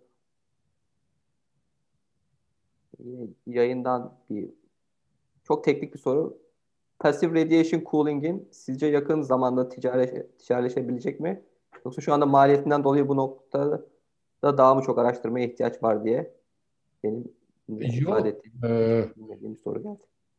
Şimdi işte bu, bu tam olarak malzemeyi, makine mühendisliğini, matematiği anlama yeri. Bunun geçmesi için bizim amacımız zaten yani böyle eğer çok başarılı bir şey yapıyorsanız böyle bazen bunun nanoteknoloji değil dört chip olması lazım. Yani topraktan ucuz olması lazım. Tozdan ucuz olması lazım. Onun için de sustainable malzeme kullanacaksınız. Benim bir doktor öğrencim mezun oldu Roxana. Bu bir sürü değişik malzemeyi kullanıp bunların hangisiyle ben birkaç derece indirebilirim diye düşündü. Bu olur mu? Tamamen malzemeye bağlı bir olay. Bunun için biz büyük bir high-tech şirketiyle çalışıyoruz. Aynı zamanda da işte binaları da uygulamaya çalışıyoruz. Başka Pör'den de birisi var geçenlerde çıkartan. Stanford'dan çok güzel böyle nanoteknoloji boyutunda işler de çıktı. Bence bu kaç yıllık iş yani bir büyük bir zaman geçirmeden olacak. Tabii bunun nanoteknoloji yani nanostructure yapacaksınız. Bunun maliyeti çok fazla olacaktır. Ama o maliyeti nerede kullanırsınız? Uzaya bir tane işte yeni bir uzay gemisi gönderirseniz belki onun kullanması daha normal olur. O zaman paranın derdi yok. Ee, çok ileri bir high-tech device kullanırsınız. O zaman var. Ama daha da önemli bir şey var siz bunların üzerinde çalışırken yepyeni yeni şeyler çıkartıyorsunuz. Hani anlattım ya biraz önce Brill alfabesi, nano Brill alfabesi çıkarttık diye. Biz orada bunları delmeye çalışırken o Brill alfabesi çıktı. Yani bunun içine siz bilimsel olarak girdiğiniz zaman sürpriz olarak önünüze ne gelecek de bilmiyorsunuz. Belki daha büyük bir sürpriz de gelecek. Yani o yüzden çalışmaya devam etmek lazım bunun üzerinde de. Şimdi hocam Yine üniversite tercihiyle ilgili sorular gelmiş. Yani e, mühendislik eğitim açısından vakıf ve devlet üniversitelerini karşılaştırır mısınız? Şimdi e, yok karşılaştıramam. Yani öyle sadece vakıf ve şey olmaz. Yani bu neye benziyor? Üzüm mü iyi, mandalina mı iyi? Ee, mandalina'nın kendisine bakmanız lazım. Yani bir yerden sonra her üzüm iyi değil, her mandalina da iyi değil programın kendisine bakmanız lazım. E, bence çok iyi vakıf üniversiteleri de var. Yani işte ODTÜ, İTÜ, Boğaziçi, Yıldız Teknik onlar bir sürü güzel şeyler de yapıyorlar. Çok iyi vakıf üniversiteleri de var. Koç, Sabancı, Bilkent, Özyeğin. Yani e, ondan sonra başkalarını da sayabiliriz tabii. Ama programın içine girip de programın tam olarak size ne hitap ettiğini anlarsanız işte e, Osman Doğan 25 yolundan bahsettim. O elektrik ve makine mühendisliğini arka arkaya yapıp mekatroniği yapmayıp Ama ikisini aynı anda yapmayı planladı değil mi? Bakın mesela bunu buna e, Osman Doğan'a verebilecek herhalde tek üniversitede bizdik. Bilmiyorum belki Bilkent de yapabiliriz, Koç da yapabilirdi ama biz bunu baştan beri bu şekilde kurguladık. Şimdi bu kurgulama işi eğer size uyuyorsa bu çok güzel olabilir. Ama öte yandan sen Bilkent'ten bilgisayardan mezun oldun. Bir sürü şeyleri öğrendin orada. Yani oradaki yapılanlar da başkadır. O yüzden bence birazcık kendilerine görmesi lazım. Yani ben burada tutup da bir üniversitenin bir programı öbürlerinden daha iyidir dersem haksızlık ederim. Ee, her birinin çok değerli yanları var. Ama istiyorsanız orada bir yere gitmek, gidip birazcık daha yani siz hayatınızı Özyeğin'in bilgisayarına, makinesine geleceksiniz ya da Bilkent'in bilgisayarına gideceksiniz. Ben sizin yerinizde olsam gidip orada bir gün hocaların kafasını patlatır. Benim ne dediğime cevap veriyorlar mı diye. Siz hayatınızı değiştiriyorsanız bir gününüzde verin. Doğru. Doğru. Peki Özyeğin özelinde konuşacak olursak, e, Özyeğin Üniversitesi'nin sağladığı burs imkanları nelerdir? Bölüme toplamda kaç öğrenci alıyorsunuz? Kaçı burslu, yarı burs gibi bir olay var mı? Ne kadar Şimdi, burssuz? Bunlar değişiyor tabii. Mesela bugün söyleyeceğim belki gelecek yıl farklı olacak. Birkaç yıldır değiştirdik ama yaklaşık olarak 40-45, 40-50 tane üniversiteye öğrenci alıyoruz. Bunların onda birine yüzde yüz burs veriyoruz. Yani dört tanesine falan. Sonra geri kalan kısmından bir kısmı 7, 8, 10 tanesi yüzde elli burs alıyor. Ee, son bir kısmı da daha az miktarda burs alıyor. Bu tabii lisans seviyesinde. Yüksek lisansa geldiğiniz zaman master ya da doktora biz yüzde yüz burs veriyoruz. Yani üstüne de para da veriyoruz yani aslında. Yani doktoraya giderken kendi paranızla gitmeniz bence iyi fikir değil. Çünkü eğer siz doktora yapmak istiyorsanız bir yerden sonra topluma faydalı işlerle uğraşılan bir e, proje üzerinde çalışmanız lazım. O topluma faydalı bir projede sizin doktor hocanız ya da master hocanız gidip onu bir şirketten alabilmiştir. Bir şirketi ikna edebilmiştir ya da bir devleti ikna edebilmiştir de yaptığının böyle cutting edge olduğunu, en iyi olduğunu siz tutup bunu alırsanız da bu, pro, bu projenin üzerine çalışırsanız da onlar da size para vereceklerdir. Şimdi bu çok önemli bir fark. Yani kendi paranızda master, doktora yapmak daha dikkatli olun derim. Ee, e, bir de bir şey daha var. Kaç para olduğunu bir zamanlar Stanford Üniversitesi'nin yaptığı bir çalışmayı söyleyeyim. Stanford Üniversitesi biliyorsunuz Amerika'daki en pahalı mühendislik okullarından birisidir. Yani o kadar pahalıdır ki anlatılmaz. Yani yılda 90 bin dolar falan civarında tuition verirsiniz falan. Ama adamların yaptığı çalışma şu. Ee, Stanford Üniversitesi mühendislikten mezun olan bir öğrenci averajda kaç yılda oraya verdiği tuition'ı karşılayacak kadar maaş kazanabiliyor diyor. Şimdi bir gösteriyorlar. Stanford'dan mezun olan, aynısı MIT'den de var, Georgia Tech'ten de var, Purdue'den de var filan. Bunlardan mezun olanlar kendi paralarının ne bileyim e, neredeyse tamamını 5-10 yıl içinde ödeyecek kadar ekstradan para kazanıyorlar. Öte yandan bir devlet üniversitesine gidip bunun onda biri kadar tuition verenler 20 yılda karşılayamıyorlar o parayı. Çünkü gidiyorlar daha küçük küçük işlerde uğraşıyor. Averajdan bahsediyorum. Tabii iyiler başka. Ya Stanford'da da kötüler vardır. Onlar da hayat boyu ödeyemiyorlardır. O da başka. Ama yani bir yerden sonra Türkiye'deki üniversiteyi de karşılaştırırken ona bakmanız lazım. Çıkanlar ne kadar çabuk iş buluyorlar, ne kadar çok para kazanıyorlar, ne kadar zamanda bunu kendileri ödeyebilir diye düşünün. Bu daha bence sağlıklı bir şeydir. Yani sadece sarf paraya bakmayın diyor. Tabii Türkiye'de büyük bir şey var. Devlet üniversiteleri neredeyse bedava. Yani onların olayı başka oluyor. Yani bu söylediğim Türkiye'de vakıf üniversitelerine doğru gidiyor. Ya bununla ilgili olarak da hatta yani bu mezunlar nerede ne yapıyorlar kıyas için? Aslında eskiden yoktu. LinkedIn şu an bence inanılmaz hizmet sağlıyor. Oradan mezuniyet okullarına göre insanları sıralayıp gayet de profillerle ilgili analiz yapabiliyorsunuz yani. Bu size evet. bir fikir fikir verir üniversite tercihleri noktasında. Evet. Bunu arkadaşlara söyleyebiliriz. Hocam iki saate yakın oldu. İsterseniz bir üç soru daha var. Onları da sorup toparlayalım. Ee, enerji verimliliği ile ilgili çalışmalarda Türkiye'yi diğer ülkelere kıyasla hangi noktada görüyorsunuz diye bir soru hazırlamışız biz. Şimdi enerji verimliliği e, bakın şu çok basit bir şey söyleyeyim. E, bir sürü ülkeye göre biz gerideyiz. Geride olmamızın bir nedeni de şudur yani aslında enerji verimliliği ile enerji tasarrufu bile birbirine karıştırılır. Enerji tasarrufu az enerji kullanmaktır. Enerji verimliliği siz hala aynı enerjiyi kullanırsınız ama çok daha ucuza mal edersiniz, çok daha temiz oluşturursunuz. Ya da enerjiyi kullanmazsınız bile. Yani öyle bir ortam geliştirirsiniz ki o enerjiyi kullanmadan siz aynı ortamda aynı konforu bulabilirsiniz binalar özelinde söyleyeyim size. E bakın bunu söyleyebilmemiz için de ben konfordan bahsediyorsam bunun içinde görsel konfor var, ıssal konfor var. Bunu e, anlayabilmek için sizin psikoloji bilmeniz lazım. Matematik bilmeniz lazım. Isı transferi bilmeniz lazım. Bunları birleştirip de konforla enerjinin kullanımını birleştirdiğinizde çıkacak olayın da çok böyle cutting edge olması lazım.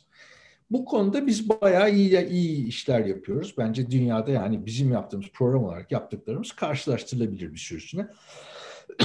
Uygulama olarak Türkiye'de gerideyiz. Anladım. Yani araştırma ve prototip geliştirme noktasında başarılıyız ama daha bir... E, yok bu üniversite bazında söyledim onu. Hı. Yani biz üniversite olarak diğer üniversitelerde her yerde bu yapılmıyor. Yapanlar Hı. çok iyilerini yapıyorlar ama daha çok üniversitede yapılması lazım. Ve bunların içinde e, bir işte bu interdisipliner işlerin, disiplinler arası işlerin daha çok kullanılması lazım. O açıdan gerideyiz. Yani arkadaşınız doğru söylüyor onu. Ama öte yandan da enerji verimliliği için şu anda bakanlık açısından da yapılan böyle çok daha özgün çalışmalar var.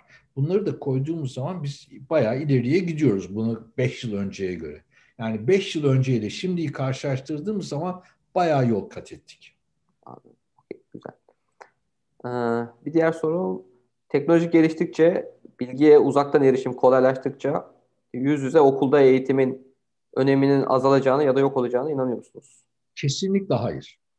Kesinlikle hayır. Üniversiteler yok olmayacak. Bakın en önemli şeylerden birisi iki insanı konuşurken gözlerinin içine bakabilmesidir. Biz e, şu anda Zoom üzerinde gidiyoruz ama farkındasınız hala siz benim kişiliğimi tanımıyorsunuz. Benim değişik tepkilerimi falan görecek olsanız bende daha iyi çalışırsınız. O yüzden yüz yüze olduğumuz zaman bizim oluşturacağımız yeni kavramlar, özellikle olmayan kavramları oluşturma işi çok daha hızlı olacaktır. Üniversitelerde ben şunu söylüyorum. Bizim en büyük challenge'ımız aslında Özyeğin Üniversitesi'ni başlattığımız zaman hani sıfırdan başladık dedim ya. Sıfırdan başlarken aslında ki en büyük kaybımız bence koridordu. Burada biz bunu defalarca konuştuk. Koridor kültürü diye bir şey vardır koridor kültüründe siz kapıdan dışarı çıktığınız zaman başka hocalarla, başka öğrencilerle bir öğrenci gelip bir soru sorarken öbürünün cevap sorusuna cevap verirsiniz. Bir başka hoca ona gelip konuşur. Orada devamlı bir ortam oluşturursunuz. Bu da nereye gidiyor biliyor musun? Biraz önce söylediğim bütün bunlar bağlı Roma hamamlarına gidiyor. O Roma hamamlarının güzelliği o insanlar oraya giriyorlar, birbirleriyle konuşuyorlar. O konuşmadan dolayı ama bak boş laf etmekten bahsetmiyorum. Birbirinin üstüne giderek. O Roma hamamlarının en güzel yanı oydu. Şimdi aynı şekilde de üniversitelerde bu bizim o incubation center'larını oluşturmamız lazım. Eğer yani bir gün sen konuşmalısın arkadaşlarına eminim sen söyleyeceksindir bunu. Bütün büyük teknoloji şirketlerinin oluşturduğu o incubation yani böyle konuşma şirk e, odaları vardır. Eminim sen arada bir böyle bir grupla böyle sıkı sıkı konuşuyorsunuzdur. Böyle fikirler serbestçe akıyordur. O fikirlerin serbestçe aktığı bir yeri şurada yapamayız. Mesela şunu ben konuşurken kaç kişi bana bakıyor daha bilmiyorum bile. Yani belki beş kişi olsak daha iyi olacak ama buradaki kaç kişiyle yaptığımızı bilmiyorum. O yüzden ben cevap veremiyorum, respond edemiyorum. Yani böyle baktığınız zaman üniversiteler yok olmayacak. En iyi üniversiteler hala yüz yüze olacaklar olacak. Evet yani özellikle bu eğitim açısından yani karşınızdaki insanın yüzünü görünce anladı mı anlamadı mı ne noktayı anladı e, bunu yüz yüze eğitimde daha takip etmek daha üzerine bu sefer gitmek yani hangi noktaya daha çok odaklanmamız gerektiğini görmek daha faydalı olur. E, kesinlikle bu da çok güzel oldu yani. Aslında tam söylediğin doğru. Hocam son soru olarak e, bunu bütün konuklarımıza genel olarak soruyoruz. E, enerji üzerine çalışmak isteyen gençlere sizin aranızda ne tavsiye edersiniz? Bununla bitirelim. Ee, bu çok büyük bir soru. Enerji dediğin zaman bu aslında life sciences da olabilir, kimya da olabilir. yani şöyle düşünürsen bu çok kocaman bir soru. Ama şöyle diyeyim ben. Enerji dedikleri zaman ne düşünüyorlar? Ona gitsinler. Güneş mi düşünüyorlar? Uranyum mu düşünüyorlar? Rüzgar mı düşünüyorlar? Pil mi düşünüyorlar? Bunu yaptıktan sonra onun üzerine birazcık daha okusunlar. Yani birazcık daha işte konuşmaları dinlesinler. Şu andaki en büyük fayda konuşmaların tele, e, broadcast edildiği internetten bulunabiliyor olması lazım. O yüzden bulabilirler onları. Buldukları zaman onları daha fazla dinlesinler, derinine girsinler. Ondan sonra da bunu bilen insanların yanına gitsinler yüz yüze konuşmak için. Aslında burada ben bir şey challenge edeyim, seni challenge edeyim madem en son olarak. Senden cevap beklemiyorum ama bunu sen düşün. Hani ne söyledik başta? Yurt dışına giden herkes birazcık öğrenecekler ama ondan sonra anlamlı olarak Türkiye'ye, topluma nasıl katkıda bulunacaklar diyoruz ya. Ben sana söyleyeyim.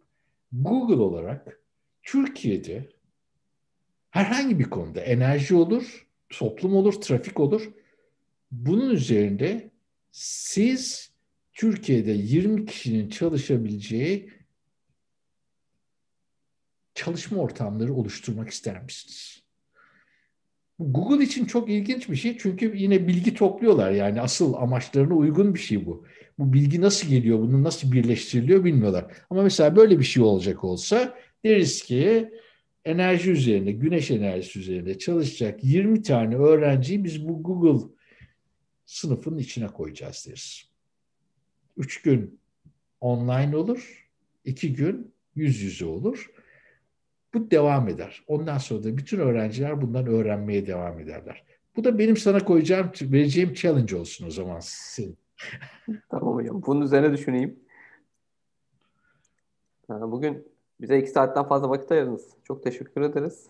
Ee, ben kendim adına söyleyeyim. Çok istifade ettim. Onun için ayrıca teşekkür ederim. Çok teşekkürler. Benim için de çok güzel oldu. Böylesine konuşmak hakikaten işte anlamlı bir şekilde katkıda bulunmaya devam ediyoruz. Siz de buna neden oldunuz. O yüzden ben sizlere teşekkür ederim. Ben iki saat çabuk geçti burada da. evet. Tekrar sağ olun hocam. Ee, bizi takip edenler için bir sonraki yayınımız Google'dan yazılım mühendisi Göksel Gökmen olacak. Ayrıca bu ve benzeri yayınları takip etmek için kanalımıza abone olabilirsiniz. Ve yayınla ilgili geri bildirim anketinizi şu an chatte paylaşıyoruz. Onu doldurmayı unutmayın. Ve son olarak Spotify'da da bu yayını podcast kaydı olarak bulabiliyorsunuz. Biz izleyen herkese teşekkür ederiz. Ben de herkese iyi akşamlar dilerim. Sağ olun hocam. Teşekkürler.